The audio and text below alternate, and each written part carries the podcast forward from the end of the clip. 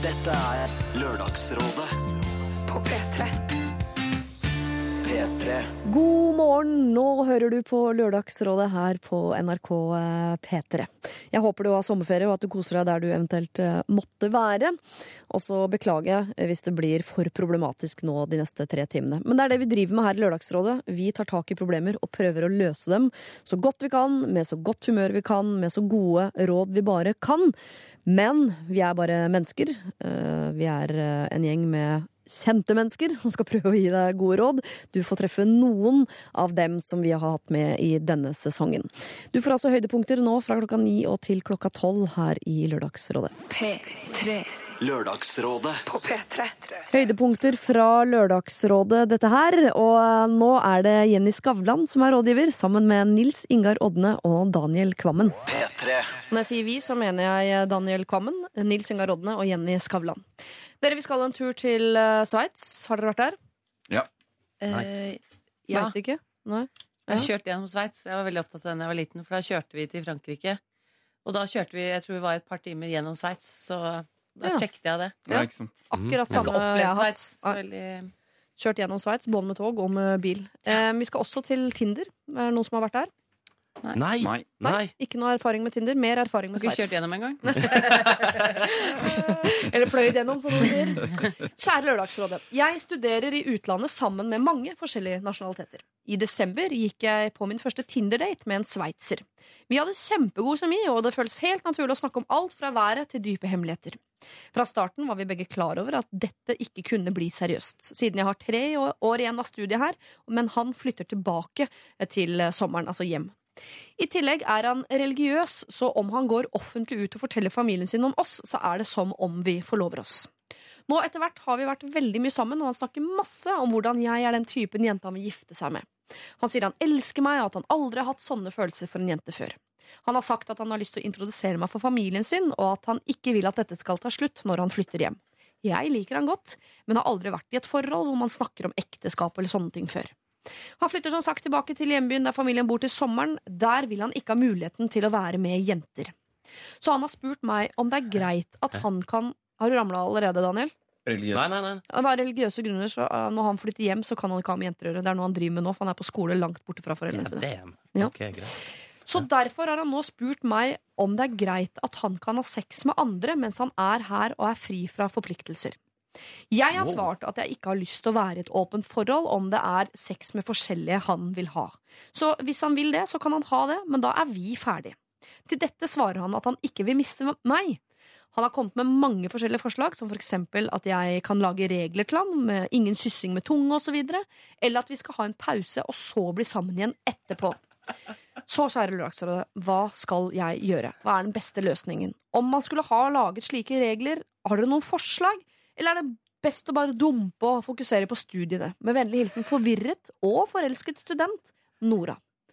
Her, folkens. Nå ble det moro her. Ja, nå, Nå- Men jeg tror vi skal summe oss litt grann før vi sier noe som helst, bortsett fra what er det eneste jeg kan kommentere her. Og så tenker vi oss litt grann om før vi gir noen råd til Nora, som er forvirret og forelsket, og har blitt presentert noen veldig veldig rare løsninger eh, fra en fyr som hun da er forelsket i. Tenk litt, dere. P3. Kvinnelig student, studerer i utlandet, har truffet en fyr fra Sveits. Han er veldig veldig religiøs. Han har ett år igjen av studiet, hun har tre år igjen av studiet. Han er veldig forelsket i henne, har gifte seg med henne i det hele tatt, men av religiøse grunner så vet han at idet han flytter hjem, så kan han ikke drive og ligge rundt med jenter eh, lenger. Fordi det strider imot religionen hans. Så han vil gjerne ligge med så mange som mulig nå, mens han er kjæreste med kvinnen han elsker å gifte seg med. Og lurer på om det er noe rom for at hun kan bli med på det. Eller om, om de kan ha åpent forhold, eller om, uh, med noen regler. Hun kan få lage reglene. Eller om de bare skal gå fra hverandre nå, men da må de love å bli sammen igjen etterpå at han har fått ligget med masse damer og skal flytte hjem. Altså, Han høres veldig religiøs ut. Ja, og dette var jo et uh, dette, snakk om å be om å få var- det i pose og sekk, liksom. Ja, ja, Ja. det var et ordentlig fint dilemma. Ja. eh, Helt fram til det siste informasjonen der. Ja. Da hadde det vært veldig bra. Skal vi fortsette med et avstandsforhold eller ikke? Ja. Eh, Det har vært vanskelig nok. Da hadde vi Også- anbefalt jo å snakke sammen, men det tenker jeg her er noen som snakker for mye sammen. For dette er Ja, ting det vanligvis man ikke snakker om. Ja, de, altså, de har snakket for mye sammen. Når man Men for meg så skurrer det at han er så dypt religiøs. Her det- høres det ut som at eventuelt en familie eller foreldre er dypt religiøse, men en eh, dypt religiøs eh, mann ville jo ikke foreslått eh, denne løsningen.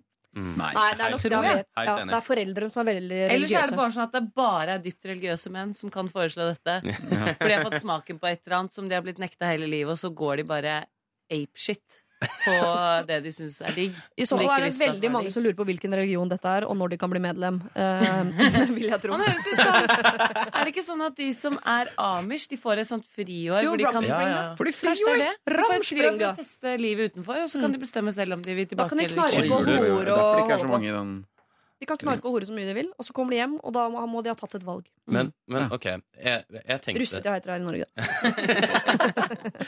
Nei, men du, jeg tenkte, og jeg tenkte sånn eh, Her uh, gå for, for det vanlige, holdt jeg på å si, og si sånn Hvor faen er dette for noe? Eh, skjerp deg, fyr. Mm. Men la oss nå heller liksom eh, være litt eh, Prøve å være litt åpne her.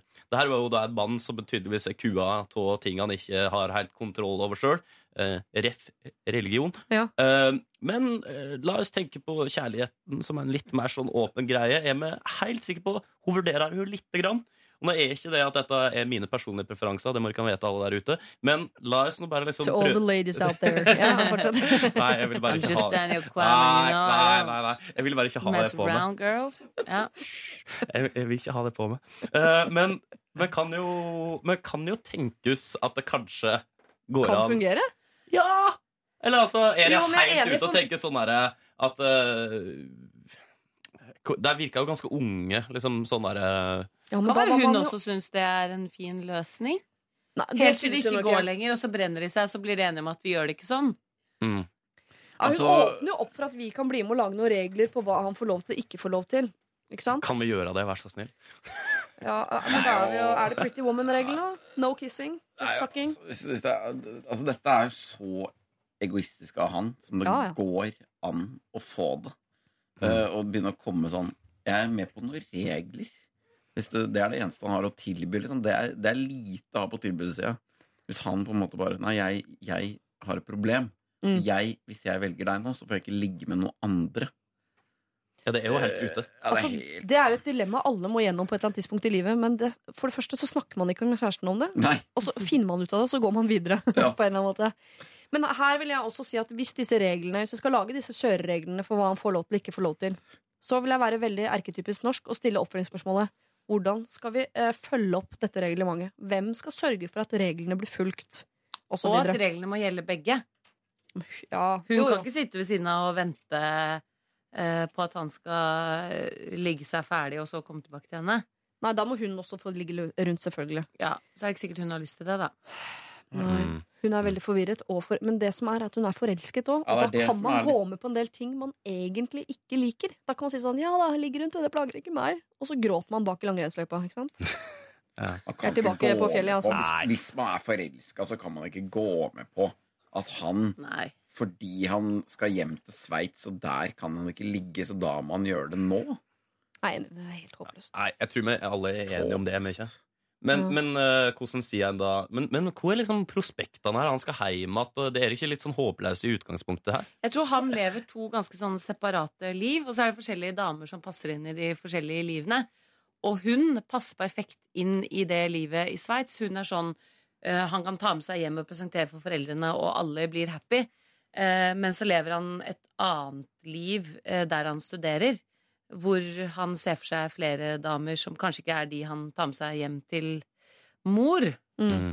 Ehm, og om han får lov til å liksom inn. Jeg hadde jo ikke følt meg veldig uh, Jeg hadde ikke følt meg veldig kul, da. Hvis det var jeg som var i den situasjonen, og en mann sa bare 'vent litt, jeg skal bare ligge litt, så tar jeg med deg hjem til mor og far', liksom. Det er ikke noe hyggelig posisjon å være i. men det verste er at her? dette her, jeg tror dette problemet er mye mye vanligere enn det vi Sånn gjør en det ikke på Fornebu. Kjære Nora.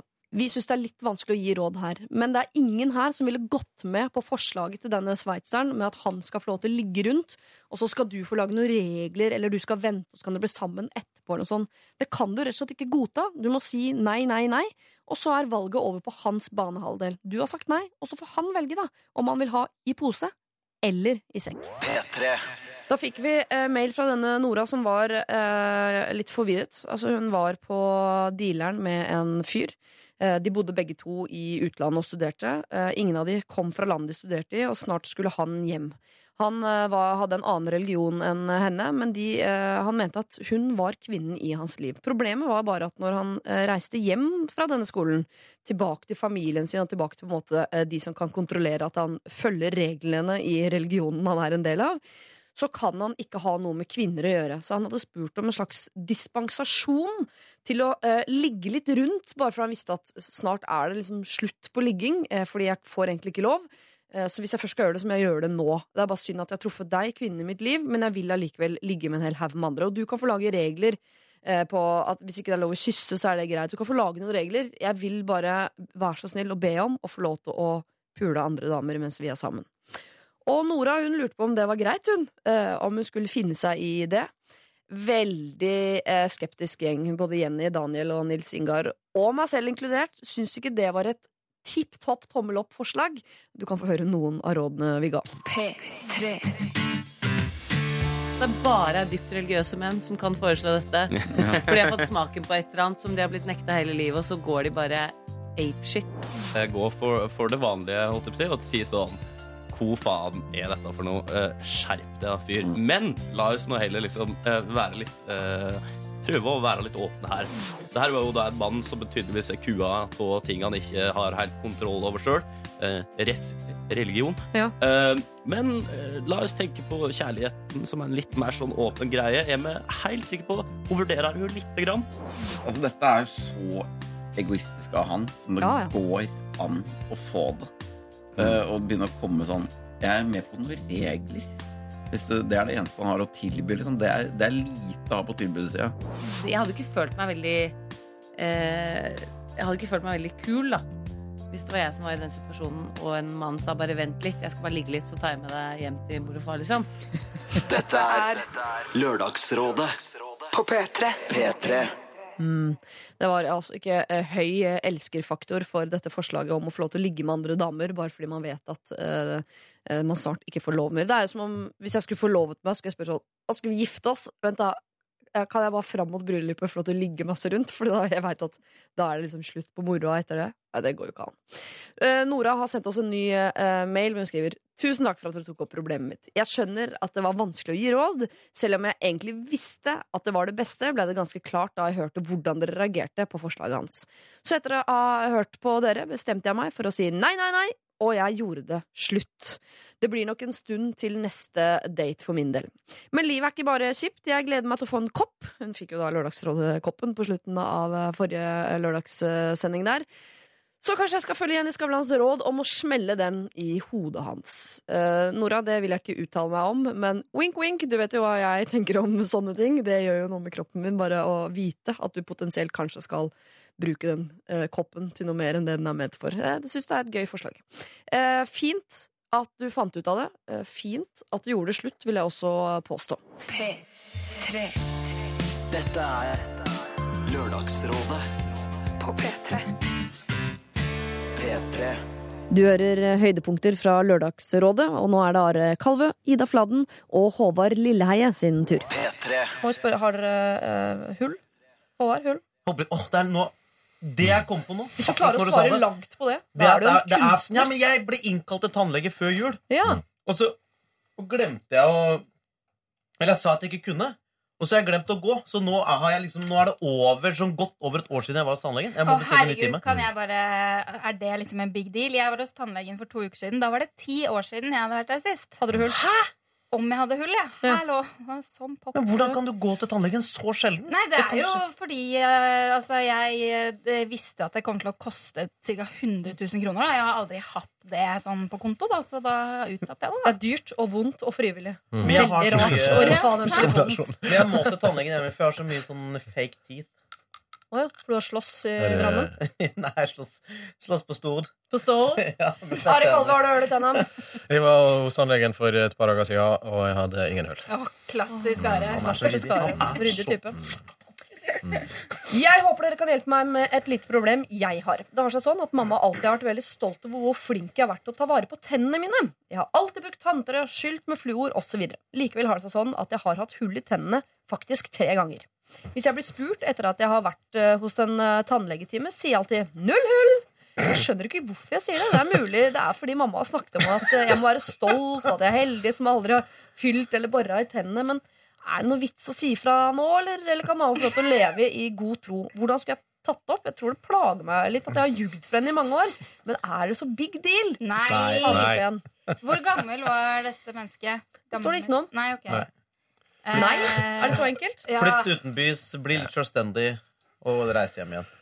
Men skal, hvis hun nå får hull nummer fire, da Hun er jo bare på tre, det er ganske lite. eh, skal hun fortsette å si 'null hull' når hun Nei. kommer fra tannlegen, eller skal hun uh, Kan vurdere også å begynne å si ja, nå hadde, denne gangen hadde jeg faktisk et hull, men uh, ikke Men vi kan si at det var veldig lite. Det var et, be- et begynnende begynnende Ja, et hull. begynnende hull. som ligger bak to tenn som er over hverandre? Vi er sier at det er et lite problem, men denne personen som faktisk har sendt inn det, Mm. har, har det litt ille med seg selv. Da, for at hun har for lyvd moren sin moren sin. ja. Mm. Og det må ikke vi egentlig tulle med. Nei. Um, Ja, det kan vi faktisk tulle jo, jo, men så skal vi ta det litt på alvor. Hvor mange hull hadde du, forresten? Når du var, Nå? Ja, når du var hos tannlegen? Eh, altså, Jeg har ikke fått vite det ennå, Du er jeg ikke ferdig med å telle. Nei, Det først- Det ringer du ikke Dette er veldig terapeutisk for henne hvis du kan fortelle Ja, alt om din egen tannhelse nå. Ja, for Først måtte jeg trekke en visdomstann og ta en rotfylling. Og så Mm. skal jeg dit nå neste uke, og da skal jeg få vite hvor mange hull jeg har oppå det. da Ja. Eh, Jeg tipper kanskje mellom eh, seks og ti. Ja. Eller noe sånt noe. Et sted. Har du noen gang fått sånt at du har gått på tannkjøttet at du har fått tannverk? Hæ? Jeg skjønner- jeg skjønner ikke, spørsmålet. Ja, så jeg har hatt masse tannverk, ja. Uten å gå til tannlegen? Ja! Dette er fantastisk! Herregud. Og Men hvis du kjøper amerikansk fluorskyld, så tar det rotta på tannverk. Ja, den, den, ja, den som smaker sånn peppermynte veldig sterkt. Ja, den som etser bort. brenner litt. Mm. Ja. Mm, så ser det ut som du er med i eh, Pirates of the Caribbean og kan gå under vann. Du har, du har heller ikke tennene Nei, etter har å ha brukt den. Det er helt riktig. Det er et minus. Kan jeg fortelle dere en spennende ting om min tanngard? Mm. Vi får høre, Ja, kanskje. dette har jeg sagt mange ganger på radio, men det er fordi jeg er så stolt av dette. At du Ja. har hatt null hull. Absolutt ikke. Jeg er neste generasjons menneske. Jeg er eh, sånn som Darwin eh, mener at alle kommer til å bli en gang. eh, Bare dere setter i gang og får opp farta. Ja. Jeg verken har eller får visdomstenner. Ikke jeg heller. Nei! Jeg vil være alene om det! en Fjott! Fantastisk unik og Jeg fin historie du fortalte deg. Men de er inni der bak deg, men kommer ikke ut. Jeg har tatt røntgen, jeg har ikke visdomstenner. Vil du kjenne? Nei, absolutt Nei, ikke. På ingen måte. Jeg, jeg tror ikke jeg har vil jo ikke høre om det Jeg tror du har det. Jeg tror det Siri er unik alene. Det tror jeg. Ja, ja, Siri er unik. Det er greit. Siri er unik alene. Men tror- eh, du kan oppsummere nå. Ja, det er ikke noe Nei, big deal. Er det noe vits å si fra nå, egentlig? Nei. Eh, men ikke sant? Hvis dette har vært symbol på noe verre jeg har jugd for moren min i mange år, kan jeg ta det opp? Ja, selvfølgelig. Men det med hull, det trenger ikke mamma vite. Men neste gang du får hull, så kan du jo eh, eh, si det. Du trenger ikke å si null hull da, for da gjør du jo uh, løgnen større, lenger, Ja. mer alvorlig Men hvis det plager tannfeen veldig, så kan du også si det til moren din. Og jeg kan garantere deg nesten at moren din ikke kommer til å bli noe skuffa over den løgnen. Så det tror jeg kommer til å gå helt fint hvis du har et behov for å si ifra. Mm. Ja, for dette er sånn type løgner som er så søte at jeg Ja. liker å avsløre sånne løgner. For da gjør man seg litt sånn søt. Men Ja. det, overfor mamma kanskje ikke noe vits i. Men overfor en kjæreste så ville jeg ha syntes det vært gøy å kunne komme dette mange år etterpå. Jeg har ljugd jugd for deg i mange år, er det ikke søtt? Kan hende at mora hennes er gæren. Ja, kanskje. Jeg, Det er jeg tror ikke til å bryte all kontakt hvis du får vite at du har hatt hull. Nei, det tror ikke jeg heller. Dette er ikke det spør du om, dette er ikke noe big deal. Nei. Men hvis du går og gnager på det, så, så for all del si det. Moren din kommer ikke til å slå hånda av deg av den eh, grunn. Eller så sier du det bare neste gang du får hull. For det kommer til å komme et hull nummer fire. Eh, det hørtes ut som en seksuell preferanse. Det var det ikke ment som. Eh, mm, Evolusjonen. Vi mister visdomstenner, og det kommer så får vi nummer et hull nummer fire. Ok. Hvis du som hører på har et annet problem, så send det inn til oss her i Lørdagsrådet. Vi sitter her fram til klokken tolv. Eller alfakrøll.nrk.no. Det syns jeg var gøy. Dette er Lørdagsrådet På P3. P3. Du får høydepunkter fra Lørdagsrådet, og nå er det Janne Rønningen, Abid Raja og Christian Mikkelsen som er eh, rådgivere. P3. De som kakler og skravler og koser og ler i bakgrunnen her, er jo eh, dagens eh, rådgivere. Eh, Janne Rønningen, Christian Mikkelsen og Abid Q. Raja. Ja, vi diskuterte noe veldig viktig her, og det er at vi skal, flere av oss skal grille i dag. Og det var spørsmålet kan vi gå i eh, barings, og det ble vi enige om. Det kan vi ikke gjøre. Grillings i barings blir ikke men noe kan i du, dag. gå i, kan du gå i singlet? Og da ble, jeg nei. Hun sa nei, og sa jeg har veldig mange kule basketsignetter, og jeg kommer til å gå i min Shack Attack-trøye i dag. Og, og det er dumt av deg. Det er veldig kul trøye. Det har jeg så er problemer med å se for meg, Abid. Det beklager Jeg, men jeg. har spilt basket da jeg var yngre, så jeg spilte mye streetbasket. Jeg, jeg kan tåle å bli filma på det. Hang du i Bjølsen, eh, på eh, Bjølsen i skolegården Ja, og ja. spilte basket sammen med meg? Har vi spilt en og nei, sammen, for eksempel? nei, ikke på Bjølsen, for da gikk jeg og hang med David Toska på sjakklaget. Du gjorde det, ja. Du gjorde det. Men gikk du eh, samme kule som David Toska? Jepp. Ja, Vi var på samme sjakklag. Ja, jeg er tuller ikke med det. Han var eh, Derfor han var- liker sjakkattack? Er det derfor det er din Mm, favorittbasketspiller? Nei, eh, nei, det er det ikke. Men Jeg syns ikke forresten at det er noe argument at du skal bruke eh, basketsinglet fordi du har spilt basket. Det er litt sånn, du kan ikke sånn, liksom, gå på men- fest med knebeskytter. Da, Poenget var at det, hvis du skal først bruke The Barings er harry, men du kan gå i singlet. Men da må det være litt, sånn, litt mer dekkende singlet enn de medisintrøyesingletene, for det er harry. Men en baskettrøye det funker jo bra på sånn barbecue. Gjør ikke det? Jo, at du skal ha sjakkattack-singlet i dag på Hvis jeg gjør det, så skal jeg legge ut en selfie. Mm, Hvis jeg, hvis jeg gjør det. Jeg er ikke sikker, jeg er ikke sikker kona kommer til å like det. Hun kommer til å si Yes. 'gå og ta på deg en vanlig trøye'.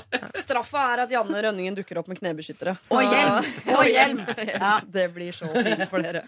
Ok, Dere har åpenbart problemer. Og til deg som hører på, hvis du har det, så send det for all del inn til oss på mail. Eller alfakrøll.nrk.no. Vi sitter her fram til klokken tolv. Eh, Så skal vi ut altså i sola. Ta på oss uh, singletter og knebeskyttere og det som sola krever. Men nå, dere. Vi skal over til noe som er muligens kriminelt. Hei, så Det er veldig gøy at du nevner David Oskar. Hei, kloke mennesker i Lørdagsrådet. Jeg er muligens med på noe kriminelt, og jeg er engstelig. Jeg er student og bor sammen med en venninne i en hybel vi leier av et eldre par. La oss kalle dem herr og fru Hansen. Dette paret bor i en annen del av huset. Eh, Det bor også en annen eldre mann her, pluss tre asiatere som ikke snakker norsk i en annen etasje. Vi er altså minst seks personer som leier av herr og fru Hansen. Da min venninne og jeg fikk kontrakt i postkassen, sto det at de gjerne vil ha all betaling av husleie kontant. Noe vi tenkte var litt merkelig, da den er på 12 000 i måneden. Dette paret bor i en annen del av huset, men er sjelden hjemme da begge er pensjonert og de reiser mye. Vi prøvde å ta kontakt angående husleia, men de er veldig vanskelig å få tak i. Så vi bodde i denne hybelen i nesten fire måneder før vi fikk møtt herr Hansen. Jeg er langt ifra konfliktsky og sa rett ut at vi kommer ikke til å betale kontant. Det virker upraktisk. Jeg sa at eh, jeg er ikke komfortabel med å ta ut så mye penger i sentrum, reise hjem med de, ha de liggende på hybelen til de en sjelden gang var hjemme. Da svarte herr Hansen at grunnen til at han vil ha kontant betaling, er at da sparer han 1,5 millioner kroner i skatt i året. Jeg ble målløs, mildt sagt. Herr Hansen sa at dette hadde fungert helt fint det med andre som har bodd på hybelen tidligere, og han sa det var ikke så farlig når han fikk betalingen, bare det kom før vi flytter. Hvordan kan en, et pensjonert par utføre en sånn handling og snakke så åpent om det? Jeg er opptatt av at ting blir gjort riktig, og at regler blir fulgt, spesielt når det gjelder penger. Jeg jobber eh, og betaler selv skatt, og jeg eh, får som student penger fra Lånekassa. Herr og fru Hansen stjeler jo fra oss og fra staten! Jeg vet ikke hvor lenge han har drevet med dette, men jeg mistenker at det er flere år. Det er altså snakk om mye penger. Er jeg med på noe kriminelt når jeg, når jeg nå vet hva herr og fru Hansen driver med? Jeg syns det er så ekstremt urettferdig. Jeg blir så sint at norske mennesker skal være så uærlige, benytte seg av goder, men ikke bidra til samfunnet. Skal jeg anmelde disse menneskene? Hilsen mulig kriminell 21-åring. Kall meg gjerne Marie.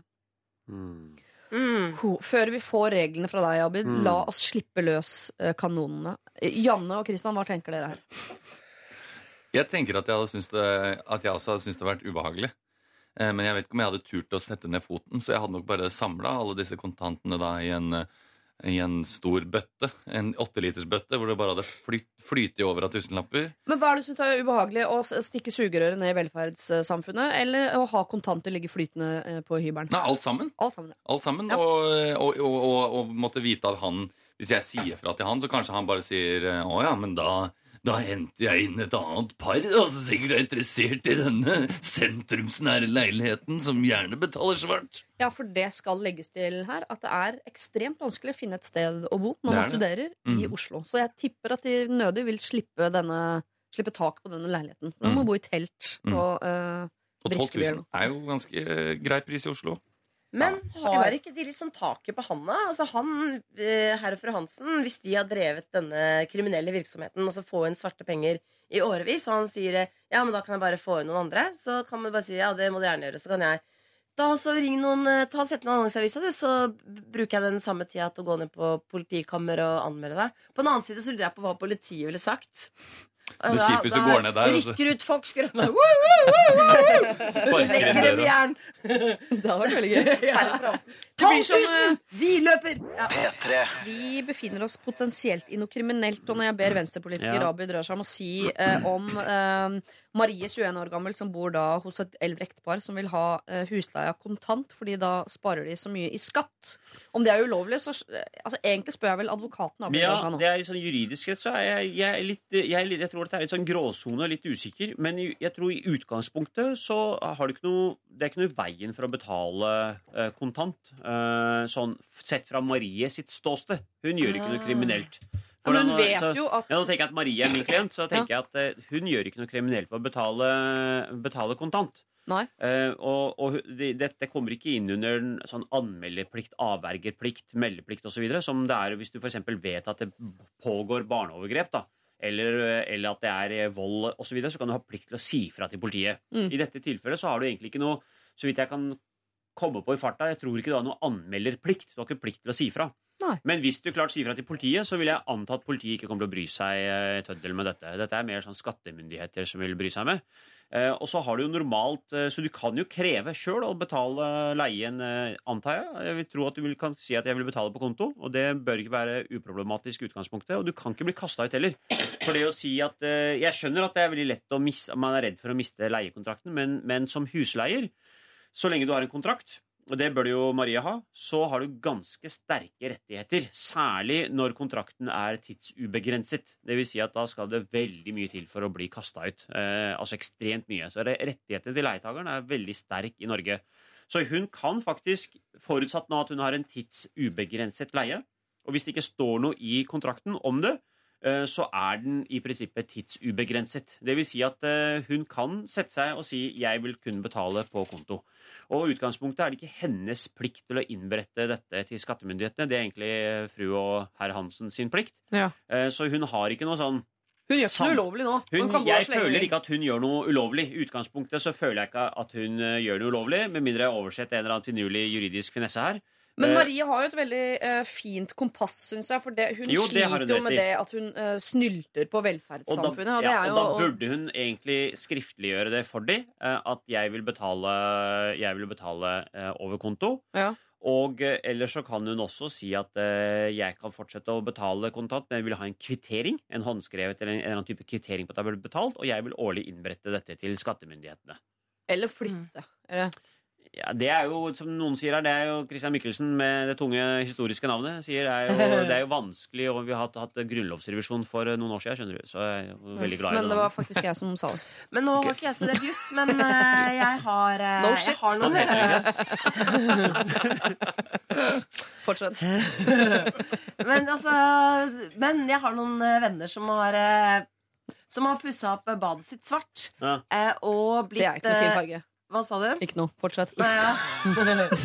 eh, og, de, de, og det badet altså, De pussa opp badet. Eh, for 80 000, tror jeg. Og så eh, var det så Nei, vet du ikke 80 000. Jeg, jeg fulgte ikke med når de sa hvor mye det var for. Kanskje 8 Men det var fordi de pussa opp badet. Og så fikk de eh, Og så var det badet dårlig. Og da kontakta de forliksrådet. Og når de kom dit, så sa forliksrådet at eh, Men dette her er jo svart, så det har ikke så mange rettigheter overfor det firmaet som hadde pussa opp. Og da sa de ja, men vi visste ikke at det var svart, sa mine venner. Mm.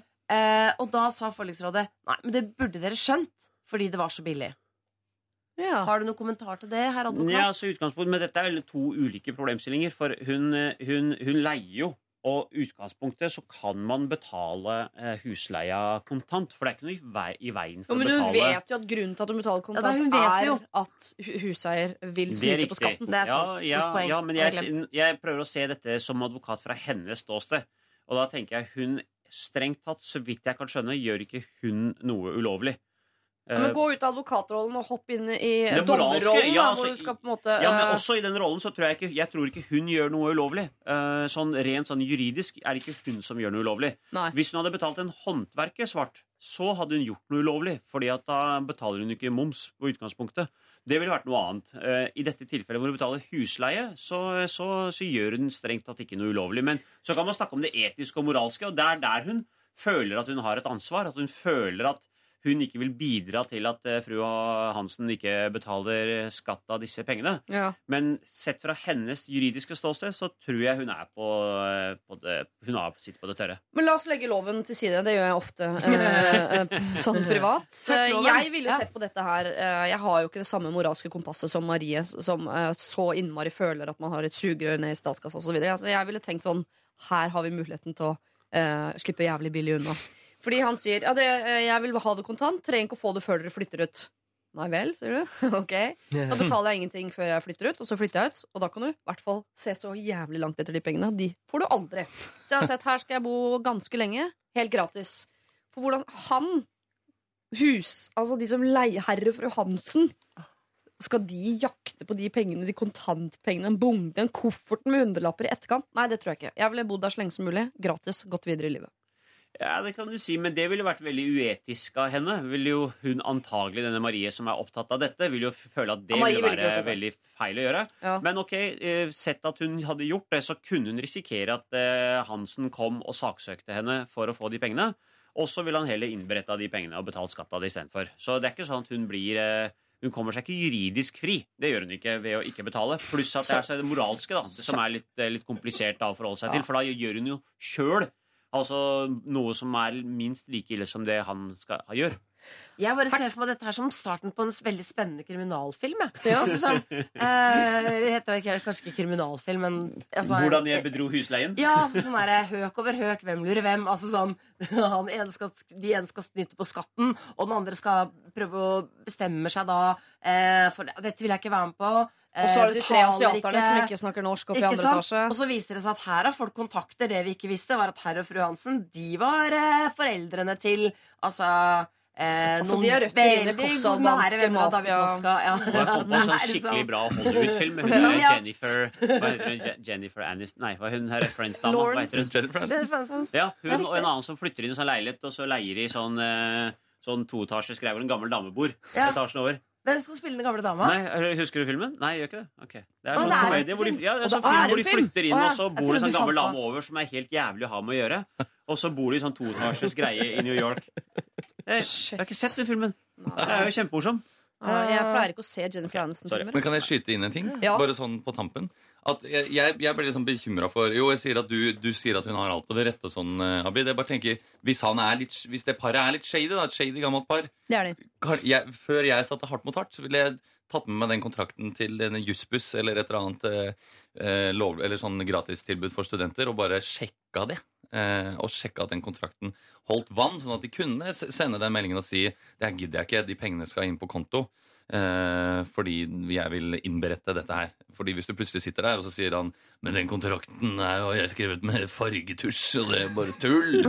Eh, så står du der plutselig da Du får hovedrollen i denne filmen, for øvrig. Oh, ja, ja. Tusen Vær så god. Vær så god. Jeg heter Hans Morten Hansen, og jeg eier dette leilighetskomplekset. Altså, de, som, de som leier eh, leilighet, de, de, altså, de har gans, det, er, det er veldig sterkt vern for å bli kasta ut. Så uberettiget eh, altså, grunnlag for å bli kasta ut, det skal man være Det, det blir ikke. Jeg har, klart, ja. Jeg har, klart, å kaste ut en fyr uh, som leide min uh, leilighet. Men jeg ringte faren hans og trua han, da. Så det er Ja.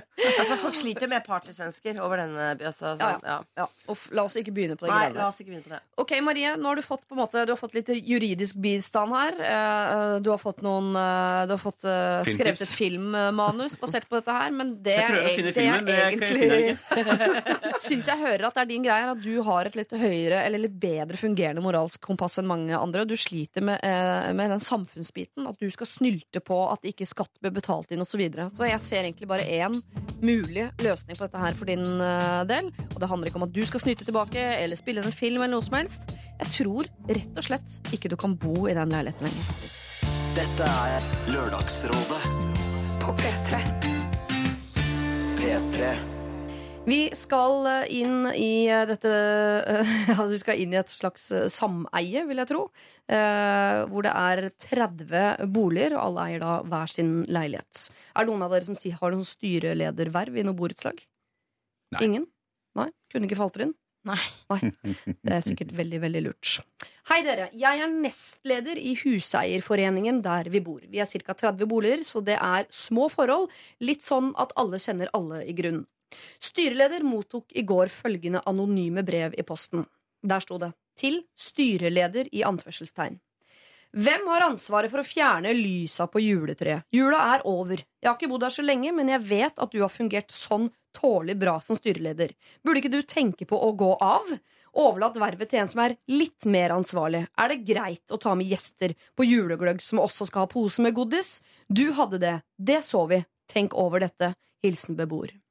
Umiddelbart tenker jeg at denne personen har et brennende engasjement og hadde jo passet godt inn i styret. Skal vi spore opp avsenderen, eller må styreleder pga. uansvarlig juletrebelysning og ikke minst utdeling av, uh, utdeling av ureglementert godis på julegløggen gå av? Vennligst hilsen nestleder og lysmester Øyvind. NB, det ble aldri definert tydelige roller, eh, roller i, uh, med tanke på fjerning av belysning. Lærdom er herved tatt. Morsomt formulert dette her, men her er det altså styret som har fått en ganske i overkant hissig brev i postkassa, anonymt, som går på ganske bagatellmessige ting. Hvordan skal man, eh, hvordan skal man liksom gripe an det? Er det et, et eller annet felles juletre det er snakk om her? Ja, du vet det som står i gården ofte. Ja, som, ja. okay, okay, Og der har det også vært felles julegløgg for alle beboerne, hvor noen da, altså styrelederen i anførselstegn, har invitert sine private, sikkert fetter og kusiner og sånn, Mm. og gitt de også godteri som var ment for beboerne. Eh, ja, ta ned trærne fra julelyset, og så sier man takk for brevet på neste møte, og så er man ferdig. Jeg føler ikke at man skal gå av. Jeg syns ikke styreleder skal gå av. Altså, Med mindre han eller hun generelt sett er en idiot, men det altså- høres jo ikke ut som et grusomt menneske, for du har glemt det med juletrelysene. Nei. Det er februar. Ja. Men for meg, når jeg leser denne Ja, det er faktisk ikke så lenge siden. Altså, det er februar. Jeg har sett folk som har eh, stjerner i vinduet i det hele tatt. Jeg, det går jo bra, det. Jeg tok juletre i går. Det er liksom ingen skam. Er det Og- sant? Ja. Var det noe igjen på det juletreet? Nei, det var plastikk. Og det er plastikk. Mm. Ja. Eh, det jeg reagerer på her, er tonen i det brevet. Det er jo litt artig, men også veldig, veldig sint. Ja, det Hvordan skal man gå i dialog med folk som er så sinte pga. juletrebelysning? Men han er anonym. Overhodet Ja. ikke. Altså, det er jo det Vedkommende er jo helt skrudd. Mm. Altså, Å sende brev om dette er én ting, å sende anonymt brev om det er en annen ting. Og da lage en problematisering rundt styreleders kvalifikasjoner med basis i denne iakttagelsen er det rene pære vrøvl, for å si det sånn. Ja. Jeg ville ikke brydd meg om det i det hele tatt. Og så vil ikke gått i dialog heller? Nei. Men hvem skal man gå i dialog med? Det er jo anonymt. Man kan jo ikke det uansett. Så det var jo synd. Jeg vet, altså Sånne forskrudde kverulanter fins overalt. Og det er jo, altså, masse mennesker har et fantastisk anlegg for å bite tenna fast i et eller annet.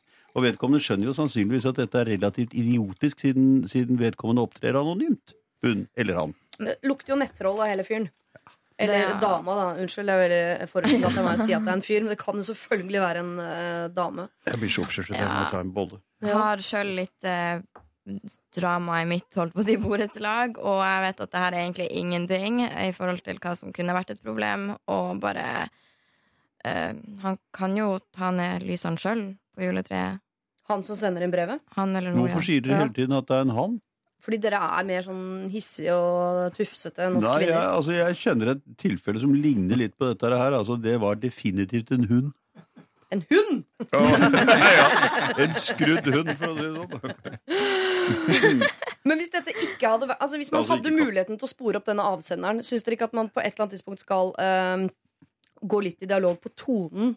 Hvor, skal man oppføre seg sånn? Nei, borettslag jeg- med 30 boliger? Jeg hater å være uenig her. Nei, jeg hater å være enig. Men, Ja. men altså for meg, jeg tenkte også Drit i personen totalt. Jeg er et gjennomført usympatisk menneske som du ikke vil ha noe særlig med å gjøre. Men på neste fellesmøte kan du bare lese opp det her brevet og si hvis du er her nå hvis du vil ta over jobben min, så er det helt greit. Fordi det, det, det, Hovedproblemet er jo at det er sendt anonymt. Det er bare 30 stykker der. Da må du da kunne stå inne for det du sier. Um, så, så ta det opp uh, la med alle de andre og se om personen tør å stå frem. Og hvis ikke, så skal du i hvert fall ikke bry deg. Ja. ja. Altså, uh, ved neste uh, styremøte så leser du opp dette brevet.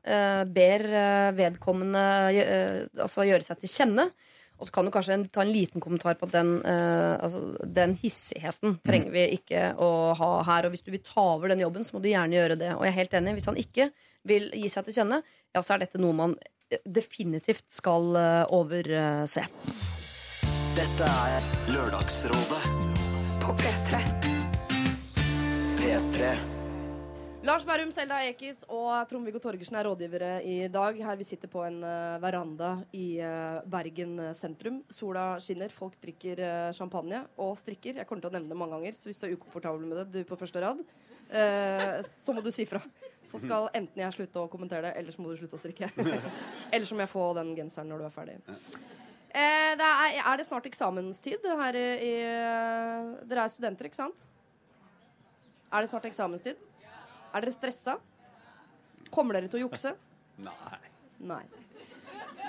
Eh, det er jo bra, det. Eh, vi skal til Tromsø. Der driver de med juks, tydeligvis. Eh, Lars har et problem tilknyttet juksing på eksamen. Hei, jeg er student ved Universitetet i Tromsø. Et av fagene jeg har i år, legger ikke ut tidligere eksamener, eh, da disse lærerne bruker de samme eksamene om og om igjen istedenfor å lage nye. Jeg har nå fått tilgang til disse eksamene gjennom tidligere studenter, og dilemmaet mitt er som følger. Skal jeg dele disse med studievennene mine, eller skal jeg holde dem for meg selv? Jeg har ikke fått noe hjelp av dem de siste årene, da de har kopiert mine innleveringer gang på gang. Jeg begynner å bli drittlei av å dra store deler av lasset for hele gruppa, men vil heller ikke være en egoistisk dritt som skal holde alt for meg selv. De er jo tross alt vennene mine. Dessuten er jeg redd for hvordan de kommer til å reagere hvis de skulle finne ut at jeg har tilgang til eksamen eh, i senere tid. Så hva bør jeg gjøre? Jeg trenger råd. Med vennlig hilsen splittet student Lars. Altså Her er det ikke det moralske dilemmaet skal jeg jukse eller ikke. Det skal han. Eh, problemet er eh, skal han involvere fler eh, i, i dette juksemakeriet. Eh, hva syns du, Selda? Altså, William, Det høres ut som han var liksom litt bitter for at han har gjort masse arbeid eh, før og hjulpet andre ut, men aldri fått kred eh, for det. Men er han liksom, hvorfor vil han dele med andre? da? Prøver han å bli pop? Pop? Populær? Var det ikke jeg som skulle si pop? Det ordet har Trond-Viggo fått.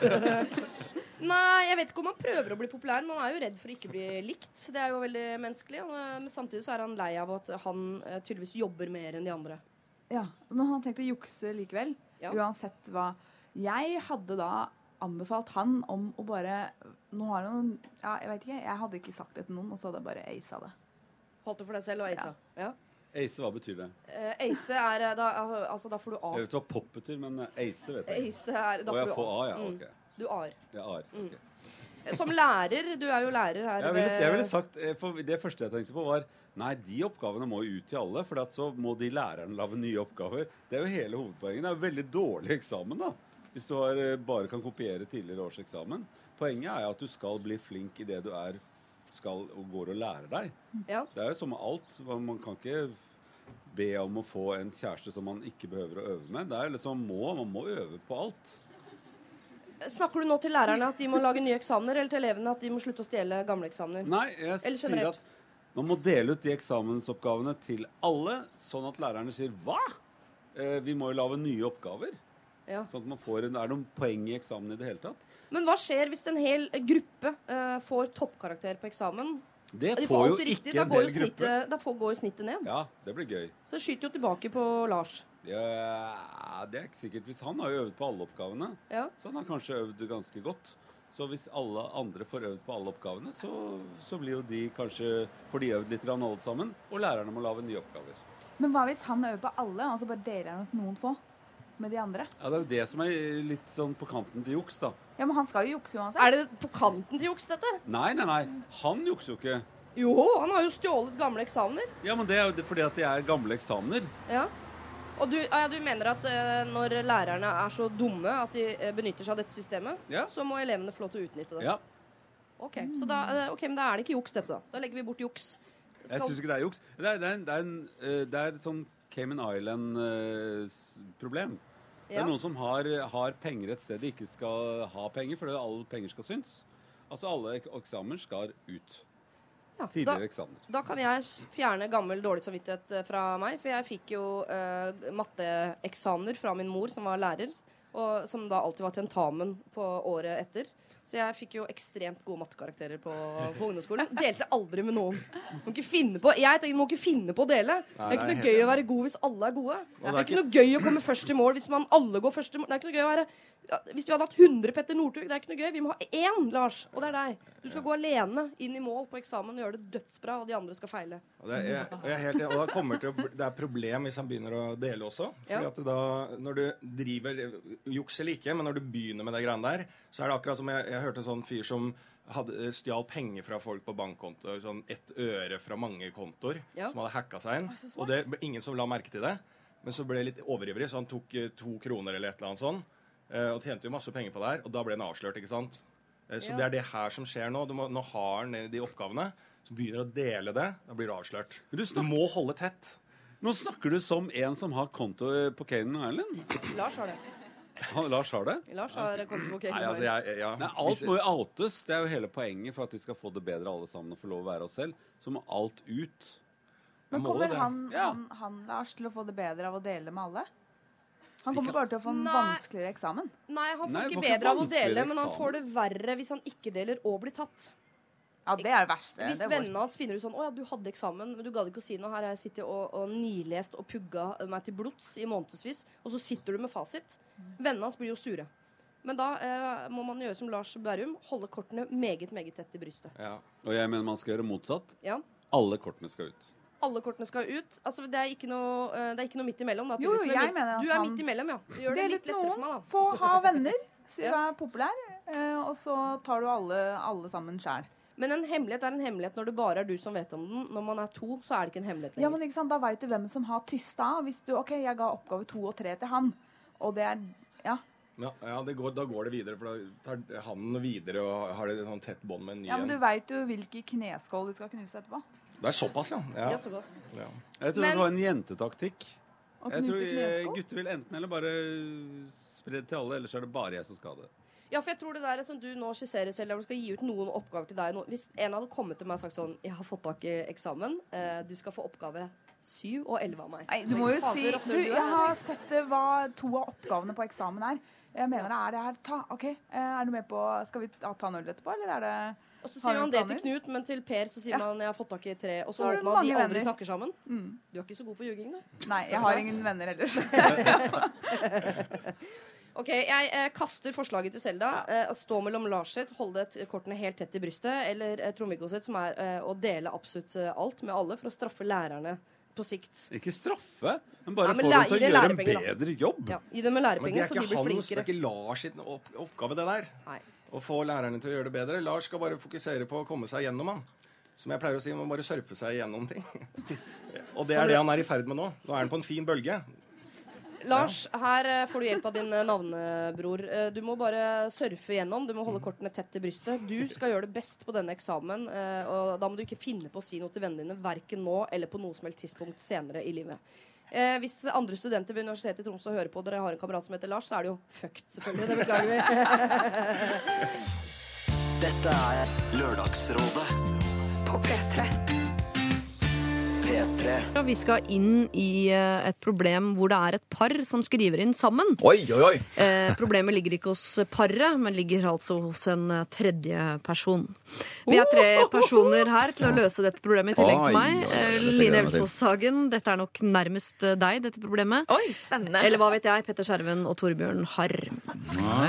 Vi er et par i midten av 20-åra som har vært sammen i fire år. Vi endte tilfeldigvis opp med å ha trekant med ei venninne på en fest for to år siden.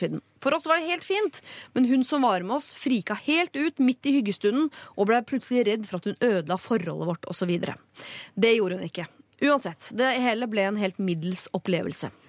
En annen venninne av oss, la oss kalle henne Tonje, hørte om denne kvelden og har nå i to år på samtlige fester ymtet frampå at hun vil ha en trekant sammen med oss.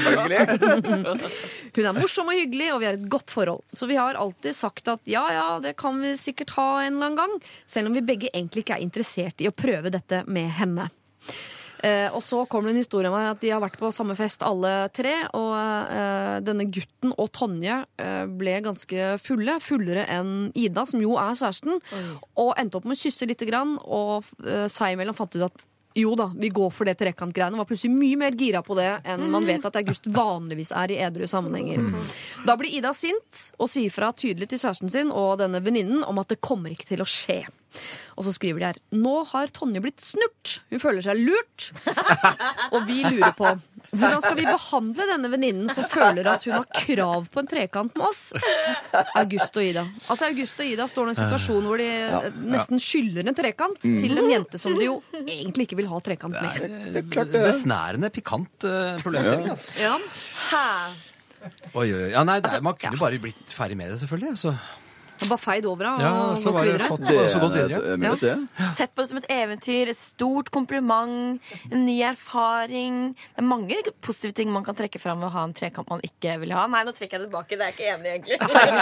Til å skulle ligge med alle jeg har møtt opp igjennom fordi det er et kompliment at de har lyst til å ligge med meg. Eller, alle som, eller alle som blir snurt av en eller annen grunn. Ja. Tilbyr tilby en trekant. Det er mulig at det Ja, sånn Men det er, jo ikke sånn, det er jo ikke så ofte man blir tilbudt en trekant. Altså, det, jeg tror aldri det har forekommet En gang har det forekommet meg, men ellers så I Australia, eller? Nei. Nei. Men det er jo ikke, det er jo ikke, det er jo ikke eh, dagligvare hvis det er noe de Tydeligvis virker det som de egentlig liker det, da. Så det Ja, vet ikke. Det liker Men de har jo hatt en litt dårlig erfaring, da. Egentlig. Ja, det var jo gøy helt til hun frika ut. Ja, det er klart det er, Du har aldri lyst til å invitere noen hjem i senga av at de er snurt. Nei. Så Nei, det er pussig utgangspunkt. Det er ikke noe det mest sexy eh, personlighetstrekket, det. Men kan snurt. du si, hvis du lar være å bli snurt og går over til å være blid og sånn som du var før, så kan vi se om et halvt år? Så får vi se, da, vet du. Ja, så får Har se. du prøvd det, eh, ikke for å trekke inn barna i dette, for det blir grisete, men har Ja. du prøvd det på barna? Hvis du slutter å grine og sutre, så skal du få en kjeks?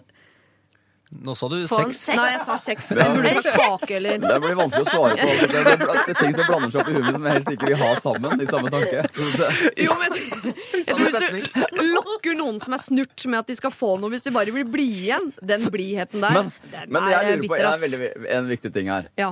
Hvorfor er det viktig at denne Tonje skal bli blid? Hun men, venninne, Kan ikke hun bare Ja, men, ja, men kan du Kan hun ikke bare Hun kan få lov å være snurt, hun. Det er ikke noe farlig, det. Men det er jo en kjip avvisning. eh, For de, de vil jo, altså det er jo kjipt å være en de ikke vil ligge med. Altså, det er jo ikke så ofte trekanter blir tilbudt. Og når du da Når du først er i markedet. Når du er i markedet da, og, og, og, og det blir takka nei, så er jo det Det er ikke sånn Nei, jeg vil ikke ligge med akkurat deg, bare du og jeg. Det er sånn Det, det, det, det er dobbeltnederlag for Tonje, da. For Tonje? Ja. Hun skal ja. snart- Hva av. Hva Men er hva heter herren i forholdet? Skal hjelpe August, August. August har jo kanskje lovet bort litt Ja, ting. det er mulig. Så det er mulig at han har lovt bort litt ting i disse litt mer påvirkede tilstandene de har vært i gjennom disse torene. Men hvis vi skal lese det riktig, så har han Jo, det var litt klining, ja. Det, Ja. stemmer. ja, Ja, så det var jo ikke helt bra. Og de ble veldig gira, da, selvfølgelig. Ja, ja, ja. Nei, det var ikke helt bra. Men jeg tenker sånn, sånn at det er, i- Sett med andre øyne, Hvis de er redd for hva liksom, utenomverdenen skal tenke, hva resten av vennekretsen skal tenke, så er det veldig sjelden sånn at, at den eh, får sympati som sier Vet du hva? Jeg får ikke ha trekant med det paret. At, at, at, Ja, resten av vennene blir sure på det kjæresteparet. Som ikke Ha trekant med Tonje, da! Ja, men ha- Herregud, ha det er så farlig! Har det blitt, har det blitt forresten, har det blitt en, en snakkis i gjengen? For det er også litt Ja, interessant. Ja, hvis August og Ida snart på en måte har eh, harva over hele vennegjengen, så blir det jo rart etter hvert òg, da, syns jeg. Jeg synes jo man skal Dårlig holde Tonje, da. Ja, da er det flere som steller seg i kø. Luremussepar. Men jeg tror det som gjør at dette her er vanskelig, er jo at fordi eh, som du sier, at August og Ida er jo i trekantbransjen. altså De er åpne for konseptet som par. Eh, de har gjort det før, og det har gått greit. og i det hele tatt. Så hvis de skal avvise Tonje, så er det jo fordi det er Tonje. Og det er ikke noe kult å si til Tonje at jo, jo, vi vil gjerne ha trekant, vi, men ikke med deg. Så det er jo en, som du sier, en klassisk eh, dobbeltavvisning. Og hvordan får man gjort den så Hvis hun er venninne det det det, Jeg føler det er lett å avvise noen som er litt nær deg, og det blir for rart. Det er veldig sjelden at hvis du hadde vært Hvis du tenker på at det ikke er trekant, men vanlig sex, Ja. så er det jo oftest grunnen til at man avviser, er jo på personlig grunnlag. Det er sånn Ja, ja, Jeg vil gjerne ha sex med folk, men ikke med deg. Det må jo være mulig å si. Ja, Er det så ofte man sier det? Man sier jo som oftest 'nei, jeg har mensen' eller 'jeg skal stå opp tidlig i morgen'. Eller man bruker jo veldig mange andre unnskyldninger, stort sett. Ja, man skal ljuge i den situasjonen her. Ja. Man skal ljuge. Hva Man skal skal, de si, si nei, da? skal si sånn Nei, men du vet hva, Ida jeg vil finne ut at vi ikke er komfortable med trekant lenger, så vi takk for tilbudet, liksom. Du er nydelig. Men da kan de aldri ha det igjen, da. Men noen jo, andre heller. men hun trenger jo ikke vite det. Kan si sånn, Gått et halvt år, så bare Å, shit, vi likte det likevel. Og så bare Men du var ikke er de der. på igjen. Men du var ikke der. Da, da var det liksom Vi prøvde da å var det ringe, da. Rune som ville igjen, ikke sant? Nei, nei, nei. Ljug. Ljug. Ljug, ja. Line, du går for ljuging. Torbjørn, du mener jeg skal bare gå rett på og si det er, eh, det er deg? Vi vil ikke, vi vil ikke ha trekka med deg. Det er ikke oss, det er deg. Men Petter, du mener jo rett og slett at de bare skal harve over henne? Kanskje de skal bare bidra med litt dårlig sex, så hun slutter å mase? Ja, vet du hva jeg tenker det er Hvis de er eh, åpne for den, den slags aktiviteter, Ja. så bare bli ferdig med det, altså. Men hva med nestemann som kommer på neste fest? da? Har må, du må ta Da må vi bli ferdig med det også. Nei, men de må jo sørge for å få ut et rykte om at de er skikkelig dårlig i senga. Da. Ikke sant? det ble mislykka, det ble teit, og Ja. de mista henne som venninne og sånn, men det var i hvert fall ferdig med maset. Det gnår, det.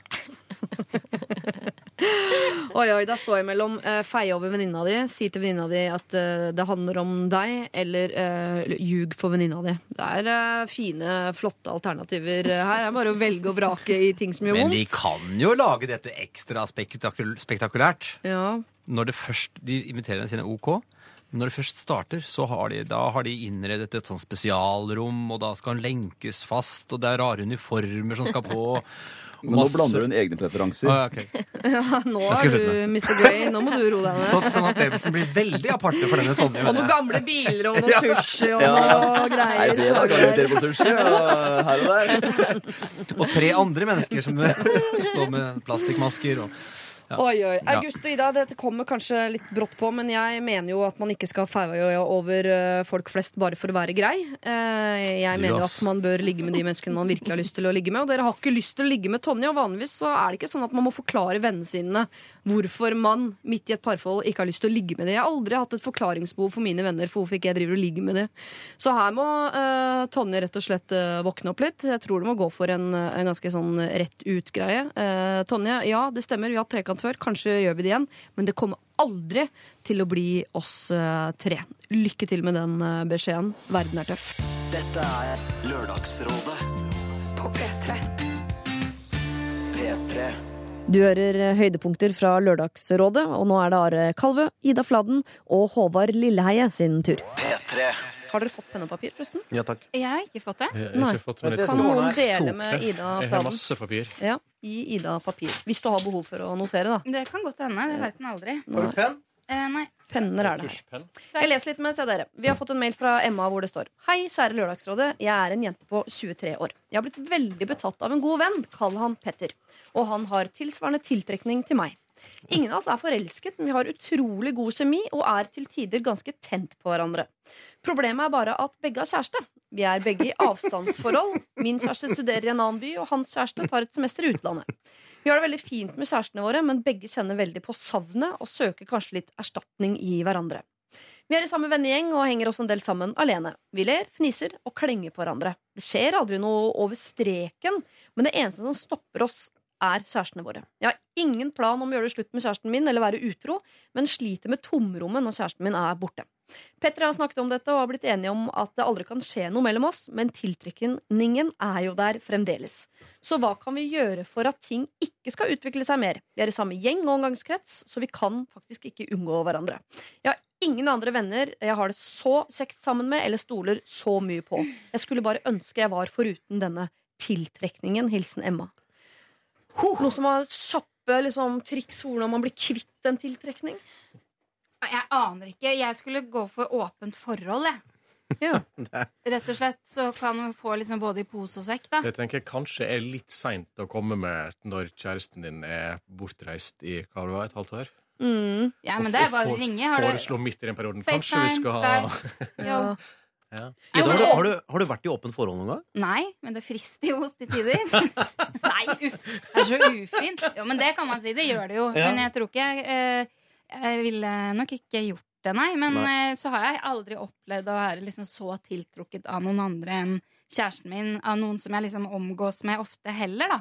Så det kan hende jeg hadde sett eh, annerledes på det da. Har du aldri kjent på den dyriske tiltrekningen? Selvfølgelig, men ikke én person som jeg møter hver dag, Nei, og som liksom nei. omgås med sånn. Det har jeg ikke. Nei, for Vanligvis er svaret på dette at eh, de faktisk må unngå hverandre. Jeg er jo ganske god på det. Hvis jeg havner i en festlig situasjon, og det er et menneske jeg tenker sånn Oi, deg ville jeg blitt tiltrukket av under normale omstendigheter, eller single omstendigheter, da, som det kalles. Ja. Eh, Jeg trekker meg tilbake, reiser hjem. Ja, for av valg, det, du tar et valg. Tar et valg på det, og det er veldig lurt. Det jeg tenker om som er med disse folka som kommer til å gjøre det vanskelig for dem, da, det er at eh, de har snakket om at ingenting må, ingenting kan skje mellom oss. Mm, Og det har de snakket om, men så vet de at de møter hverandre jevnlig. Mm. Og hver gang de møter hverandre, så ser de på hverandre, og så har de lyst på hverandre. Ja. Og så tenker de 'ingenting kan skje mellom oss'.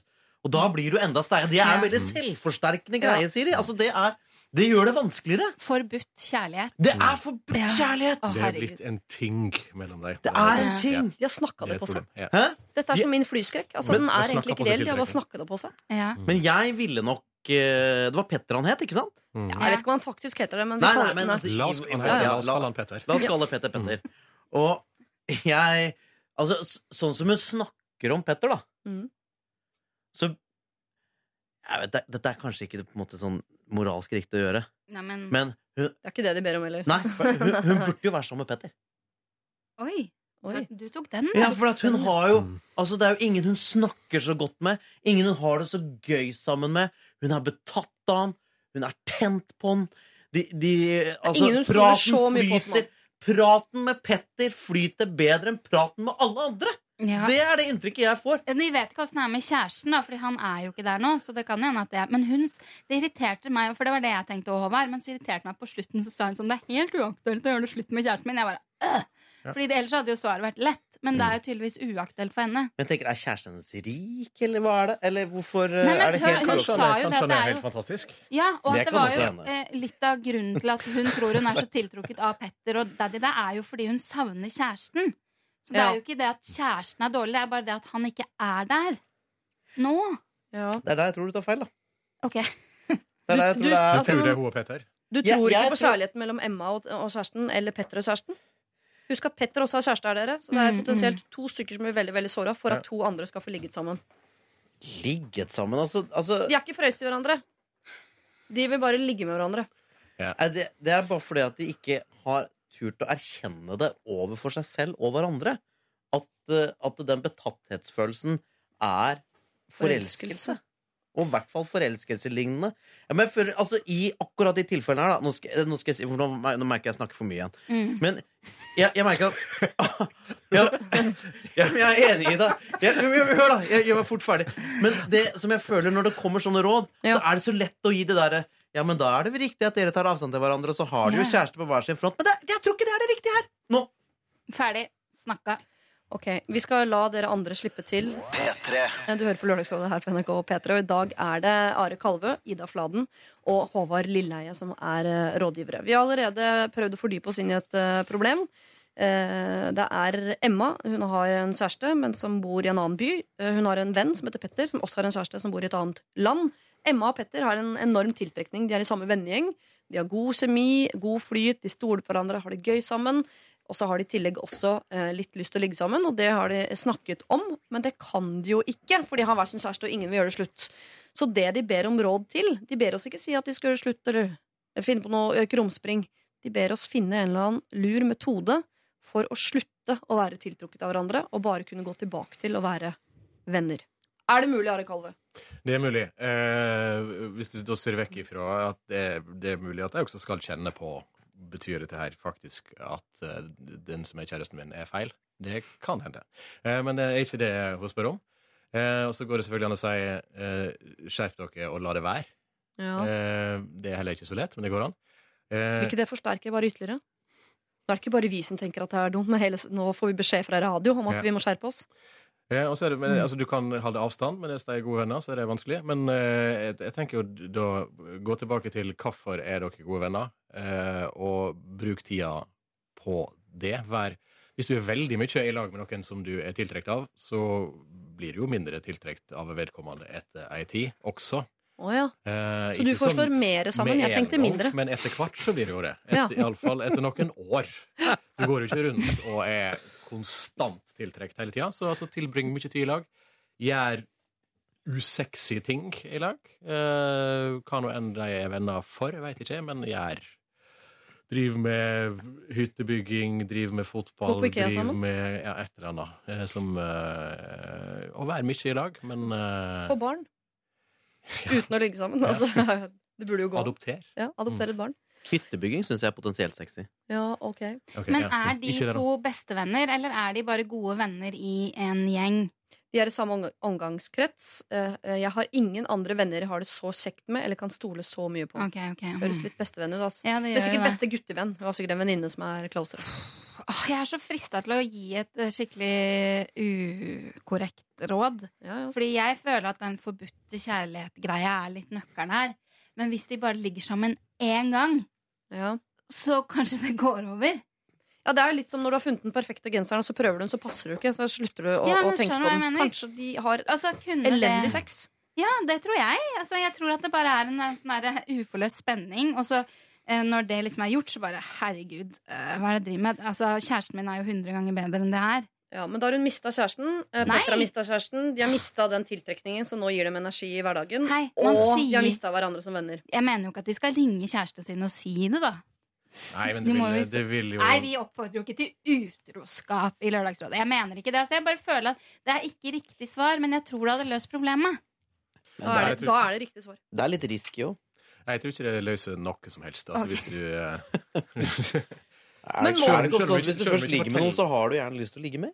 Mm, Nei, ikke nødvendigvis. Nei. Kommer veldig an Ja, på ja, ja, ja, det er jo enig i det. Men så Men vil, hvordan- vil, vil det jo prege forholdet hennes til kjæresten etter det, hvis hun, hvis hun har følelser i, inni seg. Så Ja. eh, det vil jeg er tilbøyelig til å være enig med Siri at det vil ødelegge Mye. Kan ødelegge nesten alt.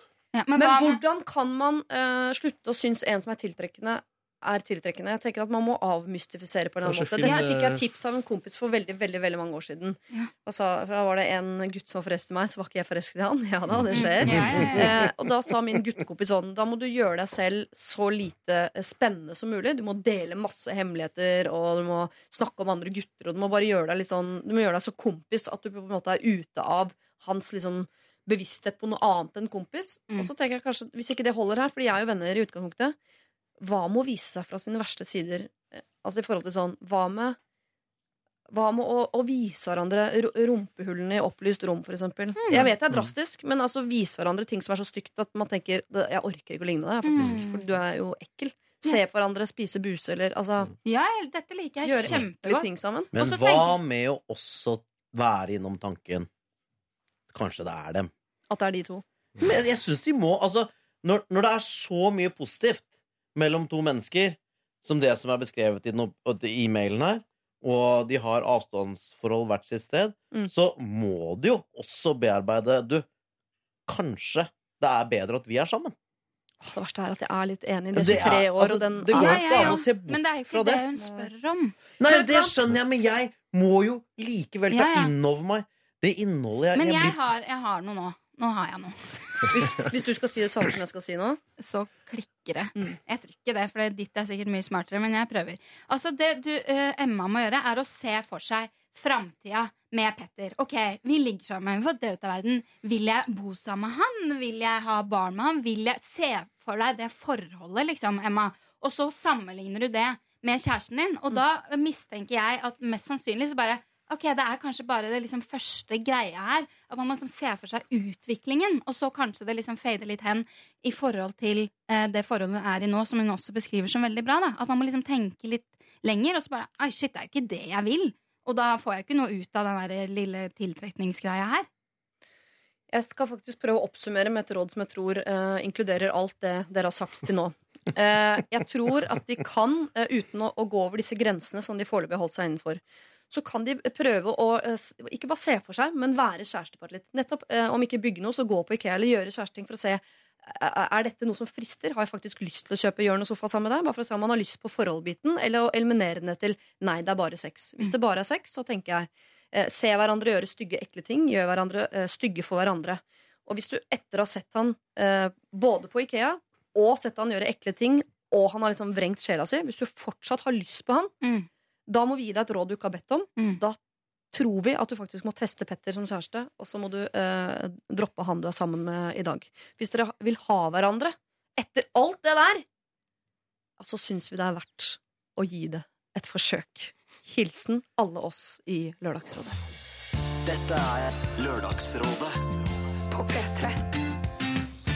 P3. Du hører på høydepunkter fra Lørdagsrådet, og i dette problemet så treffer du Christian Fredrik Mikkelsen, Anette Trettebergstuen og Ken Vasenius Nilsen. P3.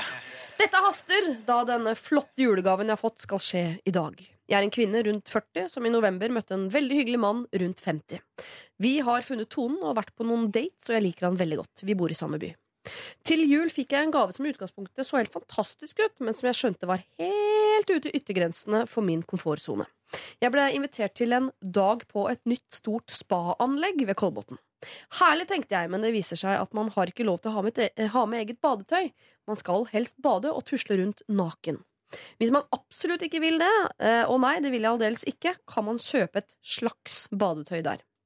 For det første er jeg ikke komfortabel med at jeg da må være uten sminke og håret hengende klistra inn til hodet så tidlig i et forhold, og jeg har absolutt ikke lyst til at verken han eller andre skal se meg med hengepupper, strekkmerker og bollemage spradende rundt der som ingenting.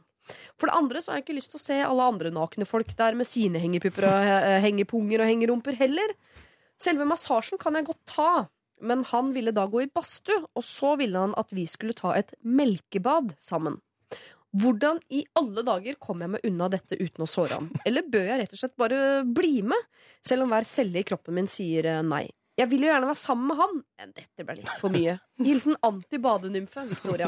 Jeg vet ikke hva melkebad er, jeg vet ikke hva et slags badetøy er. Jeg var mest skeptisk til det. Eh, merker jeg. Det er en Det er melkebad. sånn melkebading, ja. Jeg ser for meg det står en sveitser og liksom bare har jura rett ned i Nei, ikke, ikke At han står og melker en ku, da. Rett ned i badet. Men tror dere det stammer fra sånn, det, sånn eh, gamle eh, tyske 50-talls eh, erotiske drømmer, hvor man bader i melk, liksom? Og da, man heller melk over Er det det det Veldig dårlig på gamle tyske erotiske erotiske ja. drømmer. Ja, jeg òg, dessverre. Ja, ja. Dessverre, Det er ikke mitt felt.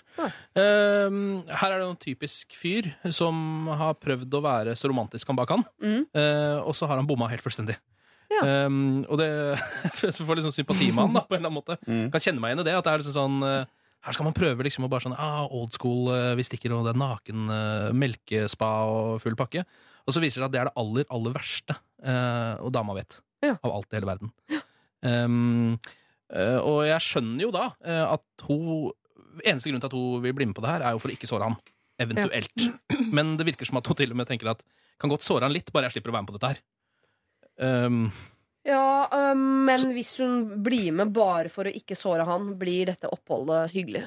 nei. Nei. Det gjør det, Det blir utrolig kleint. Altså, jeg, jeg tenker også altså, Man blir jo pepra uh, full av reklame om uh, disse romantiske spagavene som egentlig er Og det er jo veldig kleint. Det er tusenvis av andre mennesker som er nakne. Det lukter klor. Man blir kald. Uh, og må liksom vise seg fram eh, på sitt aller eh, nakneste. Det er jo ikke sikkert han syns dette er noe artig heller, men at han tror at det er det damer vil ha. Ja. Eh, og hvis han, hvis han er en type som blir ekstremt såra Hvis hun sier at vet du hva, jeg er ikke noen spa-type, kan vi finne på noe annet, ta en romantisk middag og ligge sammen istedenfor, så tror jeg han eh, kanskje foretrekker det siste. Men, men hvis han blir såra av det, da er han kanskje ikke typen å samle på utgangspunktet. Men han Jeg tenker at han har gitt verdens beste Ja, julegave, og så vil ja, ha den. og hun kan si det på den måten at fy søren, her har du virkelig tenkt. Og jeg vet at du har tenkt at dette er verdens mest romantiske gave, men eh, jeg er ikke helt komfortabel med, med sånn spa-opplegg. Men jeg har veldig lyst til å være sammen med deg. Mm. La oss finne på noe annet. Så enkelt vil jeg jo. Men er ikke det litt seint? Det er i dag, på en måte. Jeg tror ikke han får ikke eh, refundert oppholdet i dag. Det er de Det er ganske dyrt også, 7000 spa-opplegg, kronene er det rett ut av vinduet, på en måte. Det er i dag, ja. Det er i dag. Mm. Kan man ikke dra dit og bare ta det derre massasjen Men altså, alle andre kommer jo til å være nakne her, gjør de ikke det? Jo. Så det er Jo. ikke bare hun som kommer til å være Nei, naken. Det er ikke sånn at hun skal holde en tale foran hele klassen, og plutselig så har hun ikke på seg bukser eh, eller topp.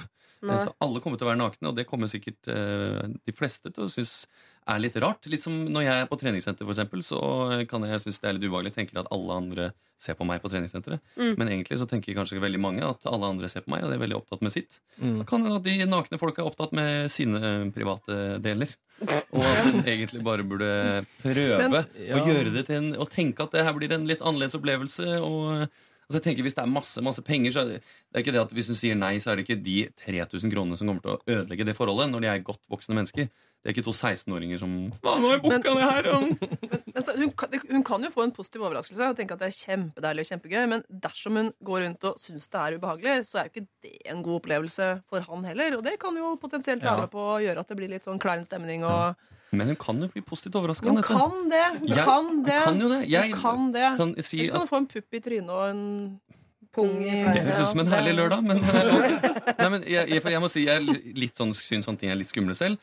Men eh, tenkte da at for å gjøre en litt sånn romantisk ting med min kjæreste, så skulle jeg gå utenfor min komfortsone og bestilte Hva har dere gjort? Eh, det er ikke så ille, men jeg blir litt flau av å si det, merker jeg. Ja. Eh, parmassasje. Ja. Parmassasje. Ja. Eh, og det var da Du ble ledet inn i et Vi var inne i separate garderober, kledde av oss, kom ut i matchende badekåper, og så sto det da to eh, folk som jeg tror var eh, østeuropeiske avstammelser. Veldig Antagelig. flotte mennesker. Og Ja. jeg ble da massert av hun dama, og hun ble massert av han mannen. Mm. Eh, I 40-45 minutter. Jeg holdt på å sovne. Det var veldig digg. Og jeg må si, jeg var positivt overraska. Det, det rareste var når hun dama når det var ferdig, så ble det liksom litt stille, og jeg hadde nesten sovna. Så kom hun helt opp i øret mitt. We are done now Thank you, we are done Men Det var det rareste. trykket hun deg i hånden på slutten? Nei, jeg gjorde ikke det. Hun Nei. bare berørte ørene mitt med okay. leppene sine når hun sa We are done now. Og så takket hun meg. Det Ja. syns jeg var litt hyggelig. Takk for at vi fikk lov til å ta på deg i 45 minutter. Ja, så det ble en positiv opplevelse. Der slipper man jo melka eh, og alle de andre nakne menneskene. Oi, nei, det var masse melk. Ja, det, var, det, var, det var melk involvert. Ja, det er- Enorm brystbøying under massasjedama. For jeg tenker jo at Hvis denne dama virker som å være litt sånn antinaturist, ikke Ja. så veldig glad i nakenhet, da Um, og da blir det jo litt som å stå og holde eh, denne talen naken foran hele klassen, bare at eh, klassen er også naken. altså, og det, jeg vet ikke om det er noe bedre. Nei, det er sant. Eh, alle er nakne, da. Um, det høres ikke så jeg, jeg vet ikke. Jeg ville selv vært ganske ukomfortabel i en sånn situasjon. Spesielt når man legger på det andre som også er litt ukomfortabelt. Nemlig at det er to nye mennesker som skal møtes og er litt usikre på hverandre også.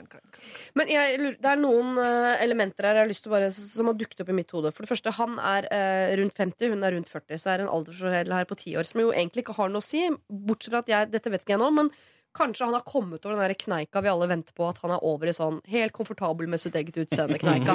Som alle, eh, veldig mange går og venter på at skal slå inn, og som tydeligvis ikke har slått inn rundt 40, dessverre. Som jo jeg hadde gledet meg til. da Eh, Så han, kanskje, han er antageligvis ikke noe strammere ramma enn det hun er, men han er over i komfortsonen i livet og tenker sånn ja, ja, så deiser jeg rundt der med hengepung og i det hele tatt. Og er ikke plaget av det. Og da tenker han at det er ikke hun heller. Og de har antagelig sett hverandre nakne allerede, så jeg tror ikke at det byr ikke på noen store overraskelser hos han. Tenker sånn å ja, ja, så du var tjukk? Ok, Ja. nei, men da Mm. Så jeg, hvis hun kan glemme de andre menneskene og tenke som du tenker, Christian, på Mm. eh, treningsstudiet, at alle er egentlig opptatt med sitt. Mm. Alle syns det er litt kleint. Uh, og de som ikke syns det er kleint, syns alt er så naturlig at de ville jo ikke reagert om de fikk pung i fjes på et eller annet tidspunkt. Så kan hun bruke dette som en slags sånn test på forholdet, som nå er i startfasen, på kan vi gjøre dette sammen, så er jo alt greit etterpå. Ja. Istedenfor at du nå Jeg, jeg blir litt redd Jeg syns det er litt sånn trist også at man fortsatt etter 50 skal være sånn Å ja, nei, i starten av forholdet som jeg late som jeg liker uh, Som jeg late som jeg liker uh, Pearl Jam og uh, Star Wars-filmer. Og som jeg late som jeg er tynn, som sitter med pute i fanget og sånn. Men nå må hun late som at hun liker masse nakne mennesker rundt seg. da Nei, det kan du si. Jeg er ikke så glad i andre nakne folk, men kan ikke vi to prøve å ha en hyggelig dag sammen, da? Altså, Jeg har jo lyst til å si ja, du må utfordre deg selv hele tiden og gå ut av komfortsonen og leve eventyret. Ja. Eh, Så derfor så burde du gjøre det. Fordi du har på en måte ikke så mye å ta på. Det kan jo hende det blir drithyggelig. Mm. Eh, Men samtidig så jeg ville jo aldri gjort dette selv. Nei, det er, det er jo selvfølgelig Men jeg tenker han vil jo merke at hun ikke liker det. Og hva er kleinere enn det? da? Hvis du har gitt noen en fin gave, og så merker at du ikke setter pris på det. Det er jo i hvert fall trist. Det som er kleinere, er når du da får bare- melk bare helt over deg. ærlig, ja. Det minste hun kan gjøre, er å si på forhånd at dette er jeg litt spent på, jeg er litt skeptisk, men eh, vi prøver det. Ja. Mm. at han vet at hun i utgangspunktet er litt reservert. Mm. Så kan han gå og skyve unna de pungene da som kommer viftende. Og kan du Han går foran med machete Ja. og bare veiver unna ja. pung. Men jeg hadde aldri gjort det, bare å si det sånn. Jeg. Nei, nei overhodet ikke. Vi kan jo prøve å booke disse parmassasjene og sånn, så at de ikke må være ute i dette, Ja. denne nakenapokalypsen som venter ute i melkebadet. Melk. Jeg ville satt meg ned i melkebadet med en gang, for det er jo Det hvitt. ikke- ja. Det er ingen, ingen, Ingen som som ser det. noe. Det Kan drikke litt av det. Er det en sånn sædreferanse, eller? Det melkebadet? Ikke fra min side. Nei, ikke fra, Men men det fra jo- dette spaet sin Nei, side. det er det ikke. At, for, at damer skal bade i en kult og noe hvitt. Sammen med menn. Ja. Men er det gjørmebryting der? Tror vi det? For det er du interessert i. også. Familie- og kulturpolitisk. Så lenge det er gjørmebad der, så er dette noe vi i Ap gir tommel opp til. Men dere, hvis vi eh, blir enige om at eh, hun drar dit, Ja. men hun gjør han oppmerksomhet på forhånd, oppmerksom på forhånd at dette Mm. er litt spent på eller syns er litt ukomfortabel, men herregud, vi er voksne, la oss prøve på en eller annen måte. Mm. Eh, og hvis hun choker helt i døra, så må hun kunne uh, si Det kan nok hende at jeg tar på meg dette slags badetøyet, som jeg er utrolig spent på er. Mm. Om det er uh, papirundertøy som, som smelter i melk, eller en sånn eh, joke fra ledelsen sin side, eller hva det er for noe. For det kan hende at det er masse andre folk der i et slags badetøy som går rundt. Og da kan hun også ta på seg et slags badetøy. Mm. Jeg bare syns hun skal dra dit. Det syns jeg også. Fordi jeg, jeg, Det eneste mine store betenkelige er hvis han er en sånn fyr elsker å gå rundt på steder hvor det er bare masse melk og nakne folk. Og så høres han ut som en ganske ekkel fyr, men det burde hun ha plukket opp fra før allerede. Eller? Jo, jo kanskje. Ja. Men jeg tenker i hvert fall, det, virker, det er jo flere faktorer her. Det ene er at du ikke liker og at du syns hele situasjonen er klein, noe jeg er enig. Ja. Men så er det også den der at du ikke er helt trygg på seg selv, og dette med at du ikke vil at han skal se henne uten sminke og sånn. Og det ville jeg på en måte Vannfast maskara, da. Ja, Den dagen kommer jo, så den kan du bare hoppe Ja, i. og den dagen er jo kjempekoselig. Synes i hvert fall jeg. Den første gangen jeg ser noen eh, som jeg liker uten sminke, er jo helt nydelig. Ja. Uh, og det tror jeg kan bare bringe dere nærmere hverandre, så det burde du ikke tenke på. Men det at du uh, syns det er veldig ukomfortabelt å være der, det kan jeg jo forstå. Hvis du klarer å komme over den kneika. Ja. Eh, Men si fra på forhånd, sånn ja. at hvis hun får helt sånn bader, så må ha noen eh, ja, nødutganger her, så du kan plutselig bare løpe Og ut der. kjøp et slags badetøy. Mm. Send gjerne bilde til oss. Send veldig gjerne bilde. av det badetøyet. Ok, eh, Du drar dit du drar dit sammen med han. Husk at han har kjøpt det til deg fordi han har lyst til å dra dit sammen med deg. Han vet hvordan du ser ut. Det er ingen store overraskelser. Kanskje det blir den fineste dagen i hans eh, liv så langt med deg, når han får se deg uten sminke og eh, virkelig se hvem du er. Kanskje han elsker det. Syns det er enda finere enn før. Eh, men hvis du får helt spaderen, og det må du advare om på forhånd at kan skje, eh, så tar du på deg et slags badetøy, eller foreslår at dere har på dere badekåpene helt til dere på en måte er nede i melkebadet. Hvis det, er det må jeg legge til. Hvis det er flere i melkebadet, at det er sånn som boblebad, at det er mye mennesker i melkebad, det, det må du ikke gjøre. Det, det må du ikke gjøre. Eh, Se opp for- sånn. Opp for sjokomelk. Hvis det bobler, så begynner å passe deg litt. eh, oppi der. Ja, nei, da, da, må, da må du bare gå ut. Eh, men jeg syns du skal gi det en sjanse. For jeg tipper at det er jo avdelinger her hvor det er lov å være naken, ikke naken også. Eksempel i middags. Det er jo ikke, det er ikke i Tyskland, dette her. på en måte Det er på Kolbotn. som må være lov å ta på seg klær. I hvert fall til lunsj og middag og de tingene der. Eh, lykke til, eh, antibadenymfe Victoria. Send oss veldig gjerne en eh, mail på hva du endte opp med å gjøre. Eh, om du faktisk koste deg hvis du da velger å dra, og gjerne et bilde av dette slags badetøyet. Du trenger ikke være inni det, altså. Jeg vil bare ha et bilde av hva et slags badetøy er. Dette er Lørdagsrådet på P3. P3. Kjære Lørdagsrådet. Først og fremst må jeg si at deres eksistens er meget verdsatt. Jeg elsker dere. Det er jo hyggelig for dere å vite det. Anette Trettebergstuen, Christian Michelsen og uh, Ken Det er første gang vi har hørt det i år. I hvert fall jeg. Takk, Ja. takk, takk, takk, takk, takk, takk, takk, takk. Jeg bor i første etasje i en blokk hvor jeg har en familie med to barn på 8 og 13 i leiligheten over. Den yngste, en jente, er rett og slett en pain in the ass. En skikkelig diva som alltid skriker og lager drama. Hver gang hun leker med noen utenfor, ender det alltid i krokodilletårer, og hun sa at jeg ikke, eller jeg får ikke være med, blædi, blædi, blæ. Samme regla hver gang. Akkurat det kan jeg fint gi blaffen i, men sakens kjerne er at ungene får være våkne til langt på natt, gjerne klokken ett eller to, eh, hoppe rundt og skrike midt på natta, og det irriterer meg sykt. Ikke minst fordi de også lar disse ungene spille ball og hoppe tau inne. Og vi snakker ikke litt lytt her, vi snakker Vi hører alt. Typen eh, Jeg hører at folk kremter eller slipper en fis i etasjen over. Jeg har tidligere møtt disse folka, både moren og faren fremstår som meget søte og tilsynelatende ålreite, men ungene går meg på nervene, særlig datteren. Jeg får lyst til å løpe opp der, rive opp døra og skrike 'Nå får det faen meg se oppfør deg som folk, din møkkaunge'. Er jeg i en alder av 27 år blitt hun derre sure nabokjerringa? Er det noe jeg kan eller bør gjøre, eller bare bør jeg skjerpe meg?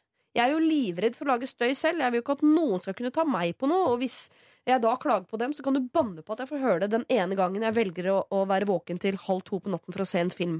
Jeg prøver i det minst Jeg prøver minst mulig eh, å, være, å være hjemme, så jeg slipper å forholde meg til dette, men det er jo ikke noe god løsning. Med vennlig hilsen Amfi, som jeg regner med ikke er et ekte navn.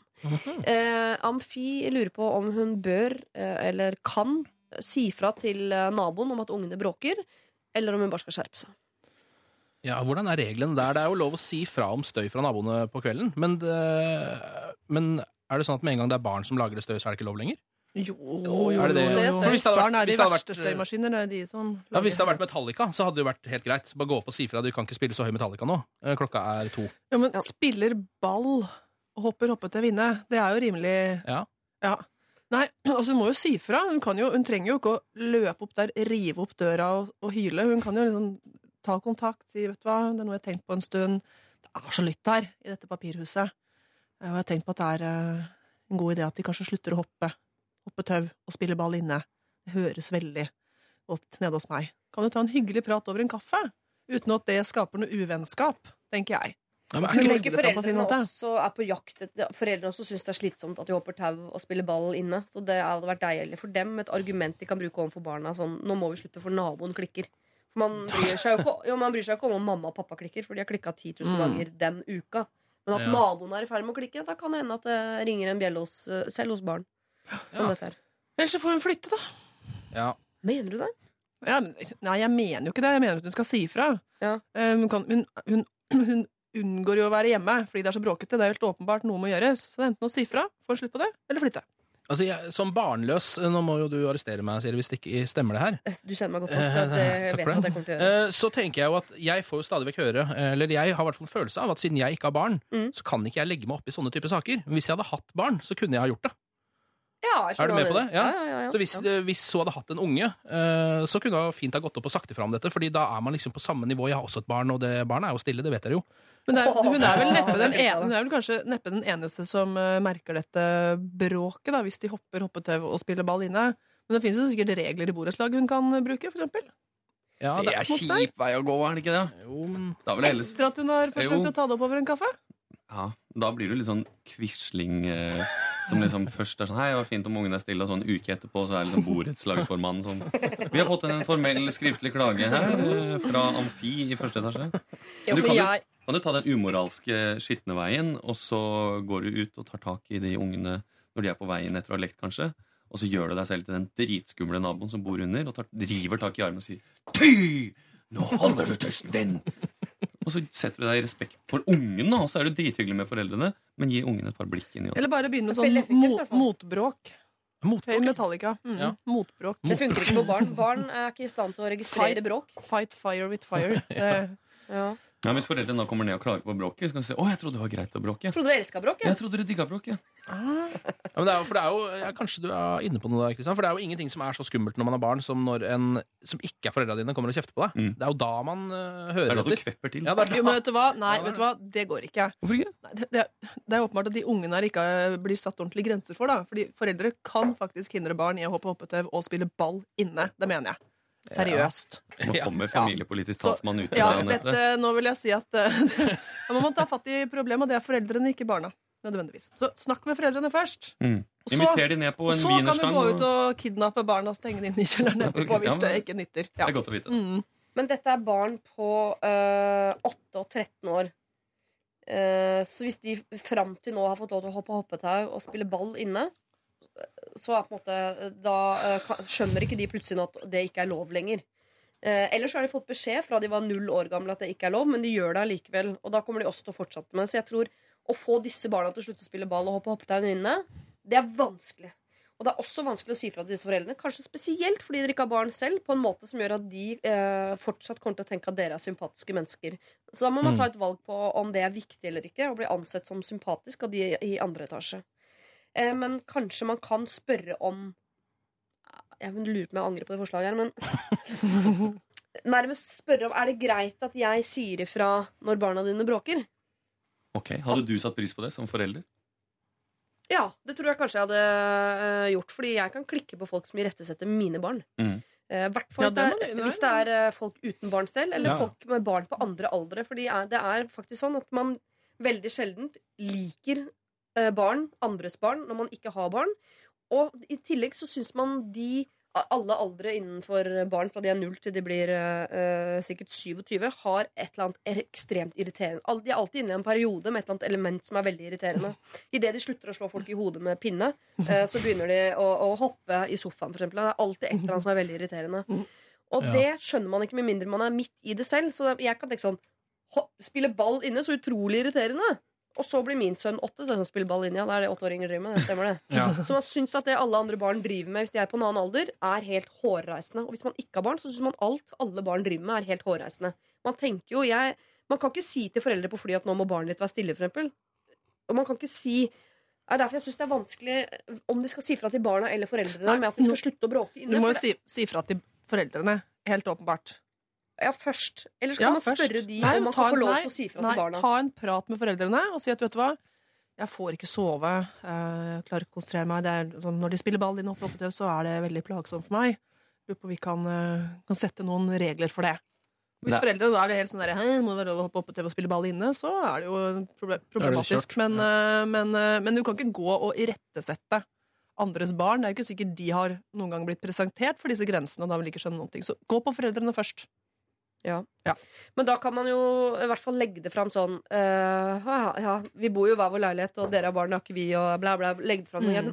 Skjønner jo at det er problematisk og Ja, akkurat hoppetau og ball. Kan vi sp Men det greiene hun klikker på ute, da. At den jenta står og krokodilletårer, og hun sa det Det, kan, hun- det, det må hun bare slutte å irritere seg over. Ikke sant? Ja, for det er jo, hun har jo lagt uh, henne litt for hatt, virker ja, Ja, ja. Det- Forståelig, kanskje, men det, men det er jo pga. det bråket. Ja. Ikke sant? At alt annet ved den ungen er irriterende. Ja. Hun bare forbinder Men med går det, an å, jeg bare, går det an å ta en liten, sna, eller, liten lurevei her og late som at man ikke vet at det er ungene som bråker? Og heller bare si som det bråker så mye hos dere Mannen på din hopper hoppetau om kvelden. Kan du be han ja, men slutte? vet jo ikke at det er hoppetau. Det er bare sånn, det dunker så mye i gulvet her, og jeg vet ikke helt hva som skjer. Ja. Det er så mye bråk. Går det an, det? Det syns jeg ikke. Nei? Det blir for lurete. Da gjør du deg selv litt for naiv. Ja, ja, ja, men jeg bare, det virker som en sånn Fordi da har man, i sitt eget hode i hvert fall, ikke brutt den der barneklagegrensa. Ja, men det blir jo enda pinligere for foreldrene. Burde ta det med foreldrene, Fordi det er jo det der eh, hoppetaugreiene som er verst. Og da blir det rart om du skal gå opp og ringe på og snakke med foreldrene og si nei, jeg skulle ikke snakke med deg, jeg skulle snakke med, Det gøy skulle snakke med Jenny på åtte. og Jeg skjønner Jonas jeg skjønner at du ikke har kontroll, kjære mor. Mm, nei, det, det må hun ikke gjøre. Men eh, prøv å gi, si det så sympatisk som mulig, da, og legg fram at eh, jeg vet ikke åssen det er, men Ja, og begynn med at liksom, Det er jo så lytt i dette bygget. vet du Det er en helt papirveggen her. Mm. Man kan jo ikke holde på med noen ting.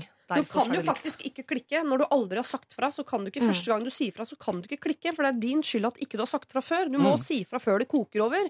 Hvis ikke, så- det mener jeg. Det, må, det er et råd til folk generelt. Ikke vent med å si fra til du klikker. Du må ikke klikke over noe du ikke har sagt fra om. De andre etasje vet vel ikke at det er lytt.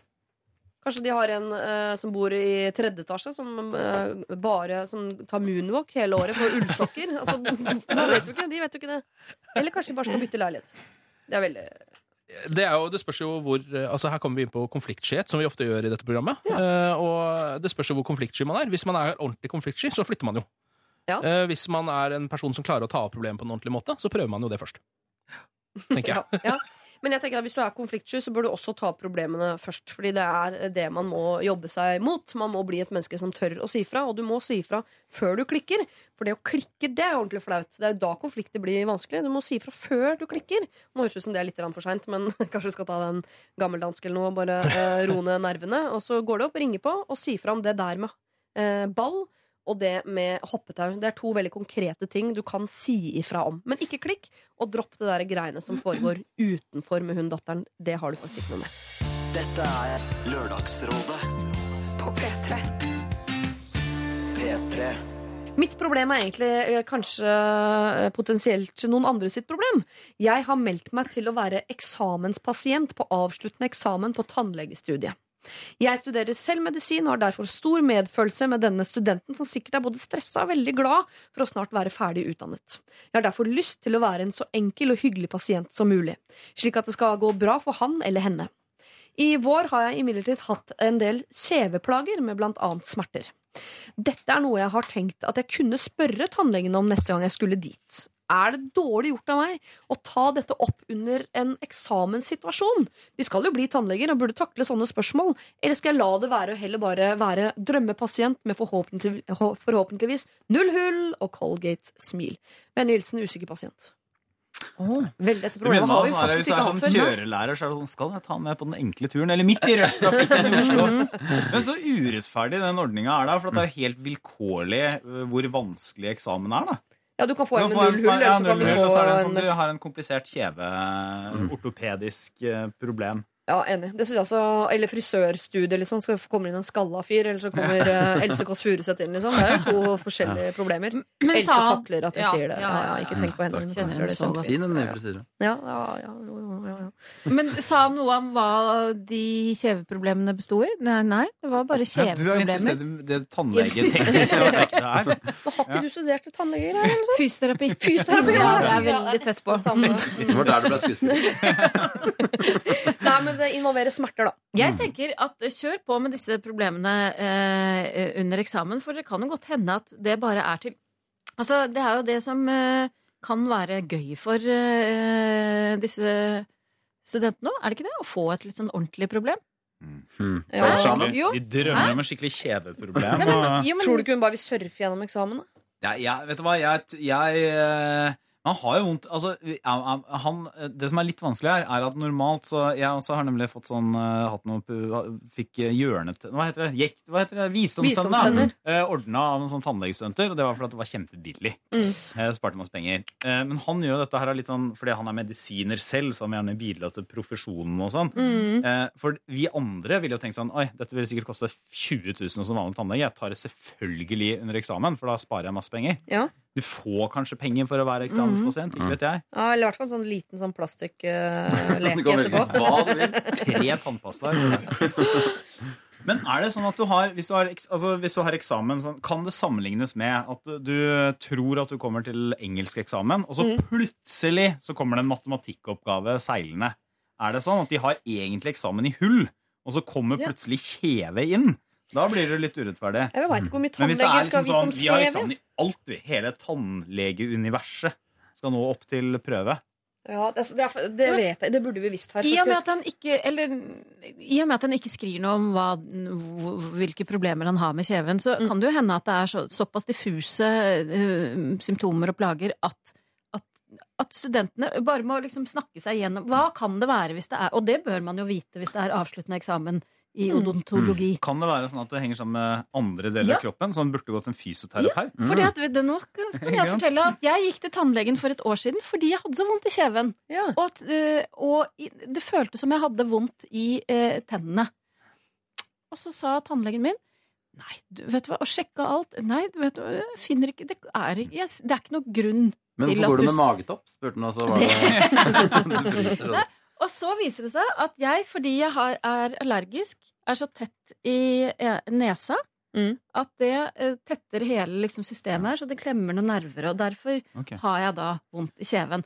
Og dette kan da dere tannlegestudenter som uh, hører på nå Ja. Hvis dere da får en uh, kanin i, i stolen Mm. under eksamen, husk det at da kan det være tett Allergi. Ja. Men kan det være sånn at du for eksempel har vondt, du, du har vondt i kjeven, du, du smiler for mye til tiggere, for eksempel. Det blir eh, Det anstrenger kjeven for mye. Ja, ja, men det er helt umulig for oss å vite, og kanskje for alt vi vet, så er det umulig for denne tannlegestudenten også å vite. Men hvis det ikke er meningen at en tannlegestudent skal kunne noe om eh, kjeven til denne pasienten, så stryker hun ikke i tannlegeeksamen fordi hun ikke kunne noe om eh, noe annet. Så det er ikke sånn at han setter henne i en situasjon som er helt sånn sykt dårlig gjort. Men jeg syns han kan ta en runde på sånn Spør du om det fordi du virkelig lurer på det, og dette er din eneste mulighet? Eller spør du om fordi du har et bitte lite rasshølgen i deg som har lyst til å sende det fast bitte litt i på eksamen? Ja, jeg tenker det er, Nå er det noen eh, tannlegestudenter her som hører på nå og tenker ok, hvis jeg får Gunnar i stolen, Mm. så er jeg Buttfucked International 2000, på en måte. Så det er jeg synes det er litt dårlig Altså det er litt kjedelig hvis det er sånn Ja, det viser seg at det var nesa som Eller Ja. oppi øregangen eller et eller annet sånt. Er det ikke, jeg tror ikke det er det de leser på nå, akkurat nå. Tror jeg, da. Men kanskje de kan også oppfatte det som han prøver å liksom brife litt som medisiner. Ja. Eh, og ikke, altså det Er litt sånn, er det en lege i huset? Ja, jeg er tannlege, og så ler alle. ikke sant? Det er ikke At han skal liksom komme sånn Her ser du kjeven, det er jo i munnen, men du Skarve tannlegestudent. Men tannlegestudenten kan, jo- øh, er jo ikke tannlegestudenten som ber om råd. Kan jo sitte tilbake sånn Men er ikke du snart lege? Du burde vel skjevne Kjeven er en del av kroppen. Er du helt idiot? Så jeg håper du har litt tid på å lese før eksamen, eller? Men fordi at det er problem, det, Han kan godt ligge i den stolen uten Det er ikke sånn at man ser inn i munnen hans og tenker Oi, her er det kjeveproblemer. Han kan er, Eller? Altså, jeg vet ikke noe mer enn det jeg har lest. vet. Nei. Men så er det også litt den derre livets gambling òg. Ja. Jeg vil si at det her, det problemet her er ikke, det er ikke et sånn enormt problem. Og noen Nei. ganger så er det gøy å bare gamble. Men det er deilig å være moralsk på kompass også for øh, folk som Kristoffer, som nå kan være øh, øh, drømmepasient eller rasshøl. Da vil jeg valgt drømmepasient. Nei, vet du hva? Jeg ville sagt Kjør på, si at du har kjeveproblemer, Ja, og så er det litt gøyalt for Og, ja, men, og hvis, altså, se for deg, altså, i, i en, i en sånn vinn-vinn-situasjon er Ja. jo at du får en student som bare fikser hele problemet Mm. hans, og som får Der har du det, vet du. Ikke sant? Det er sånn der, Mm. Wow, du så et problem. Vet du hva, det er kjempebra. P3. Dette er Lørdagsrådet på P3. P3.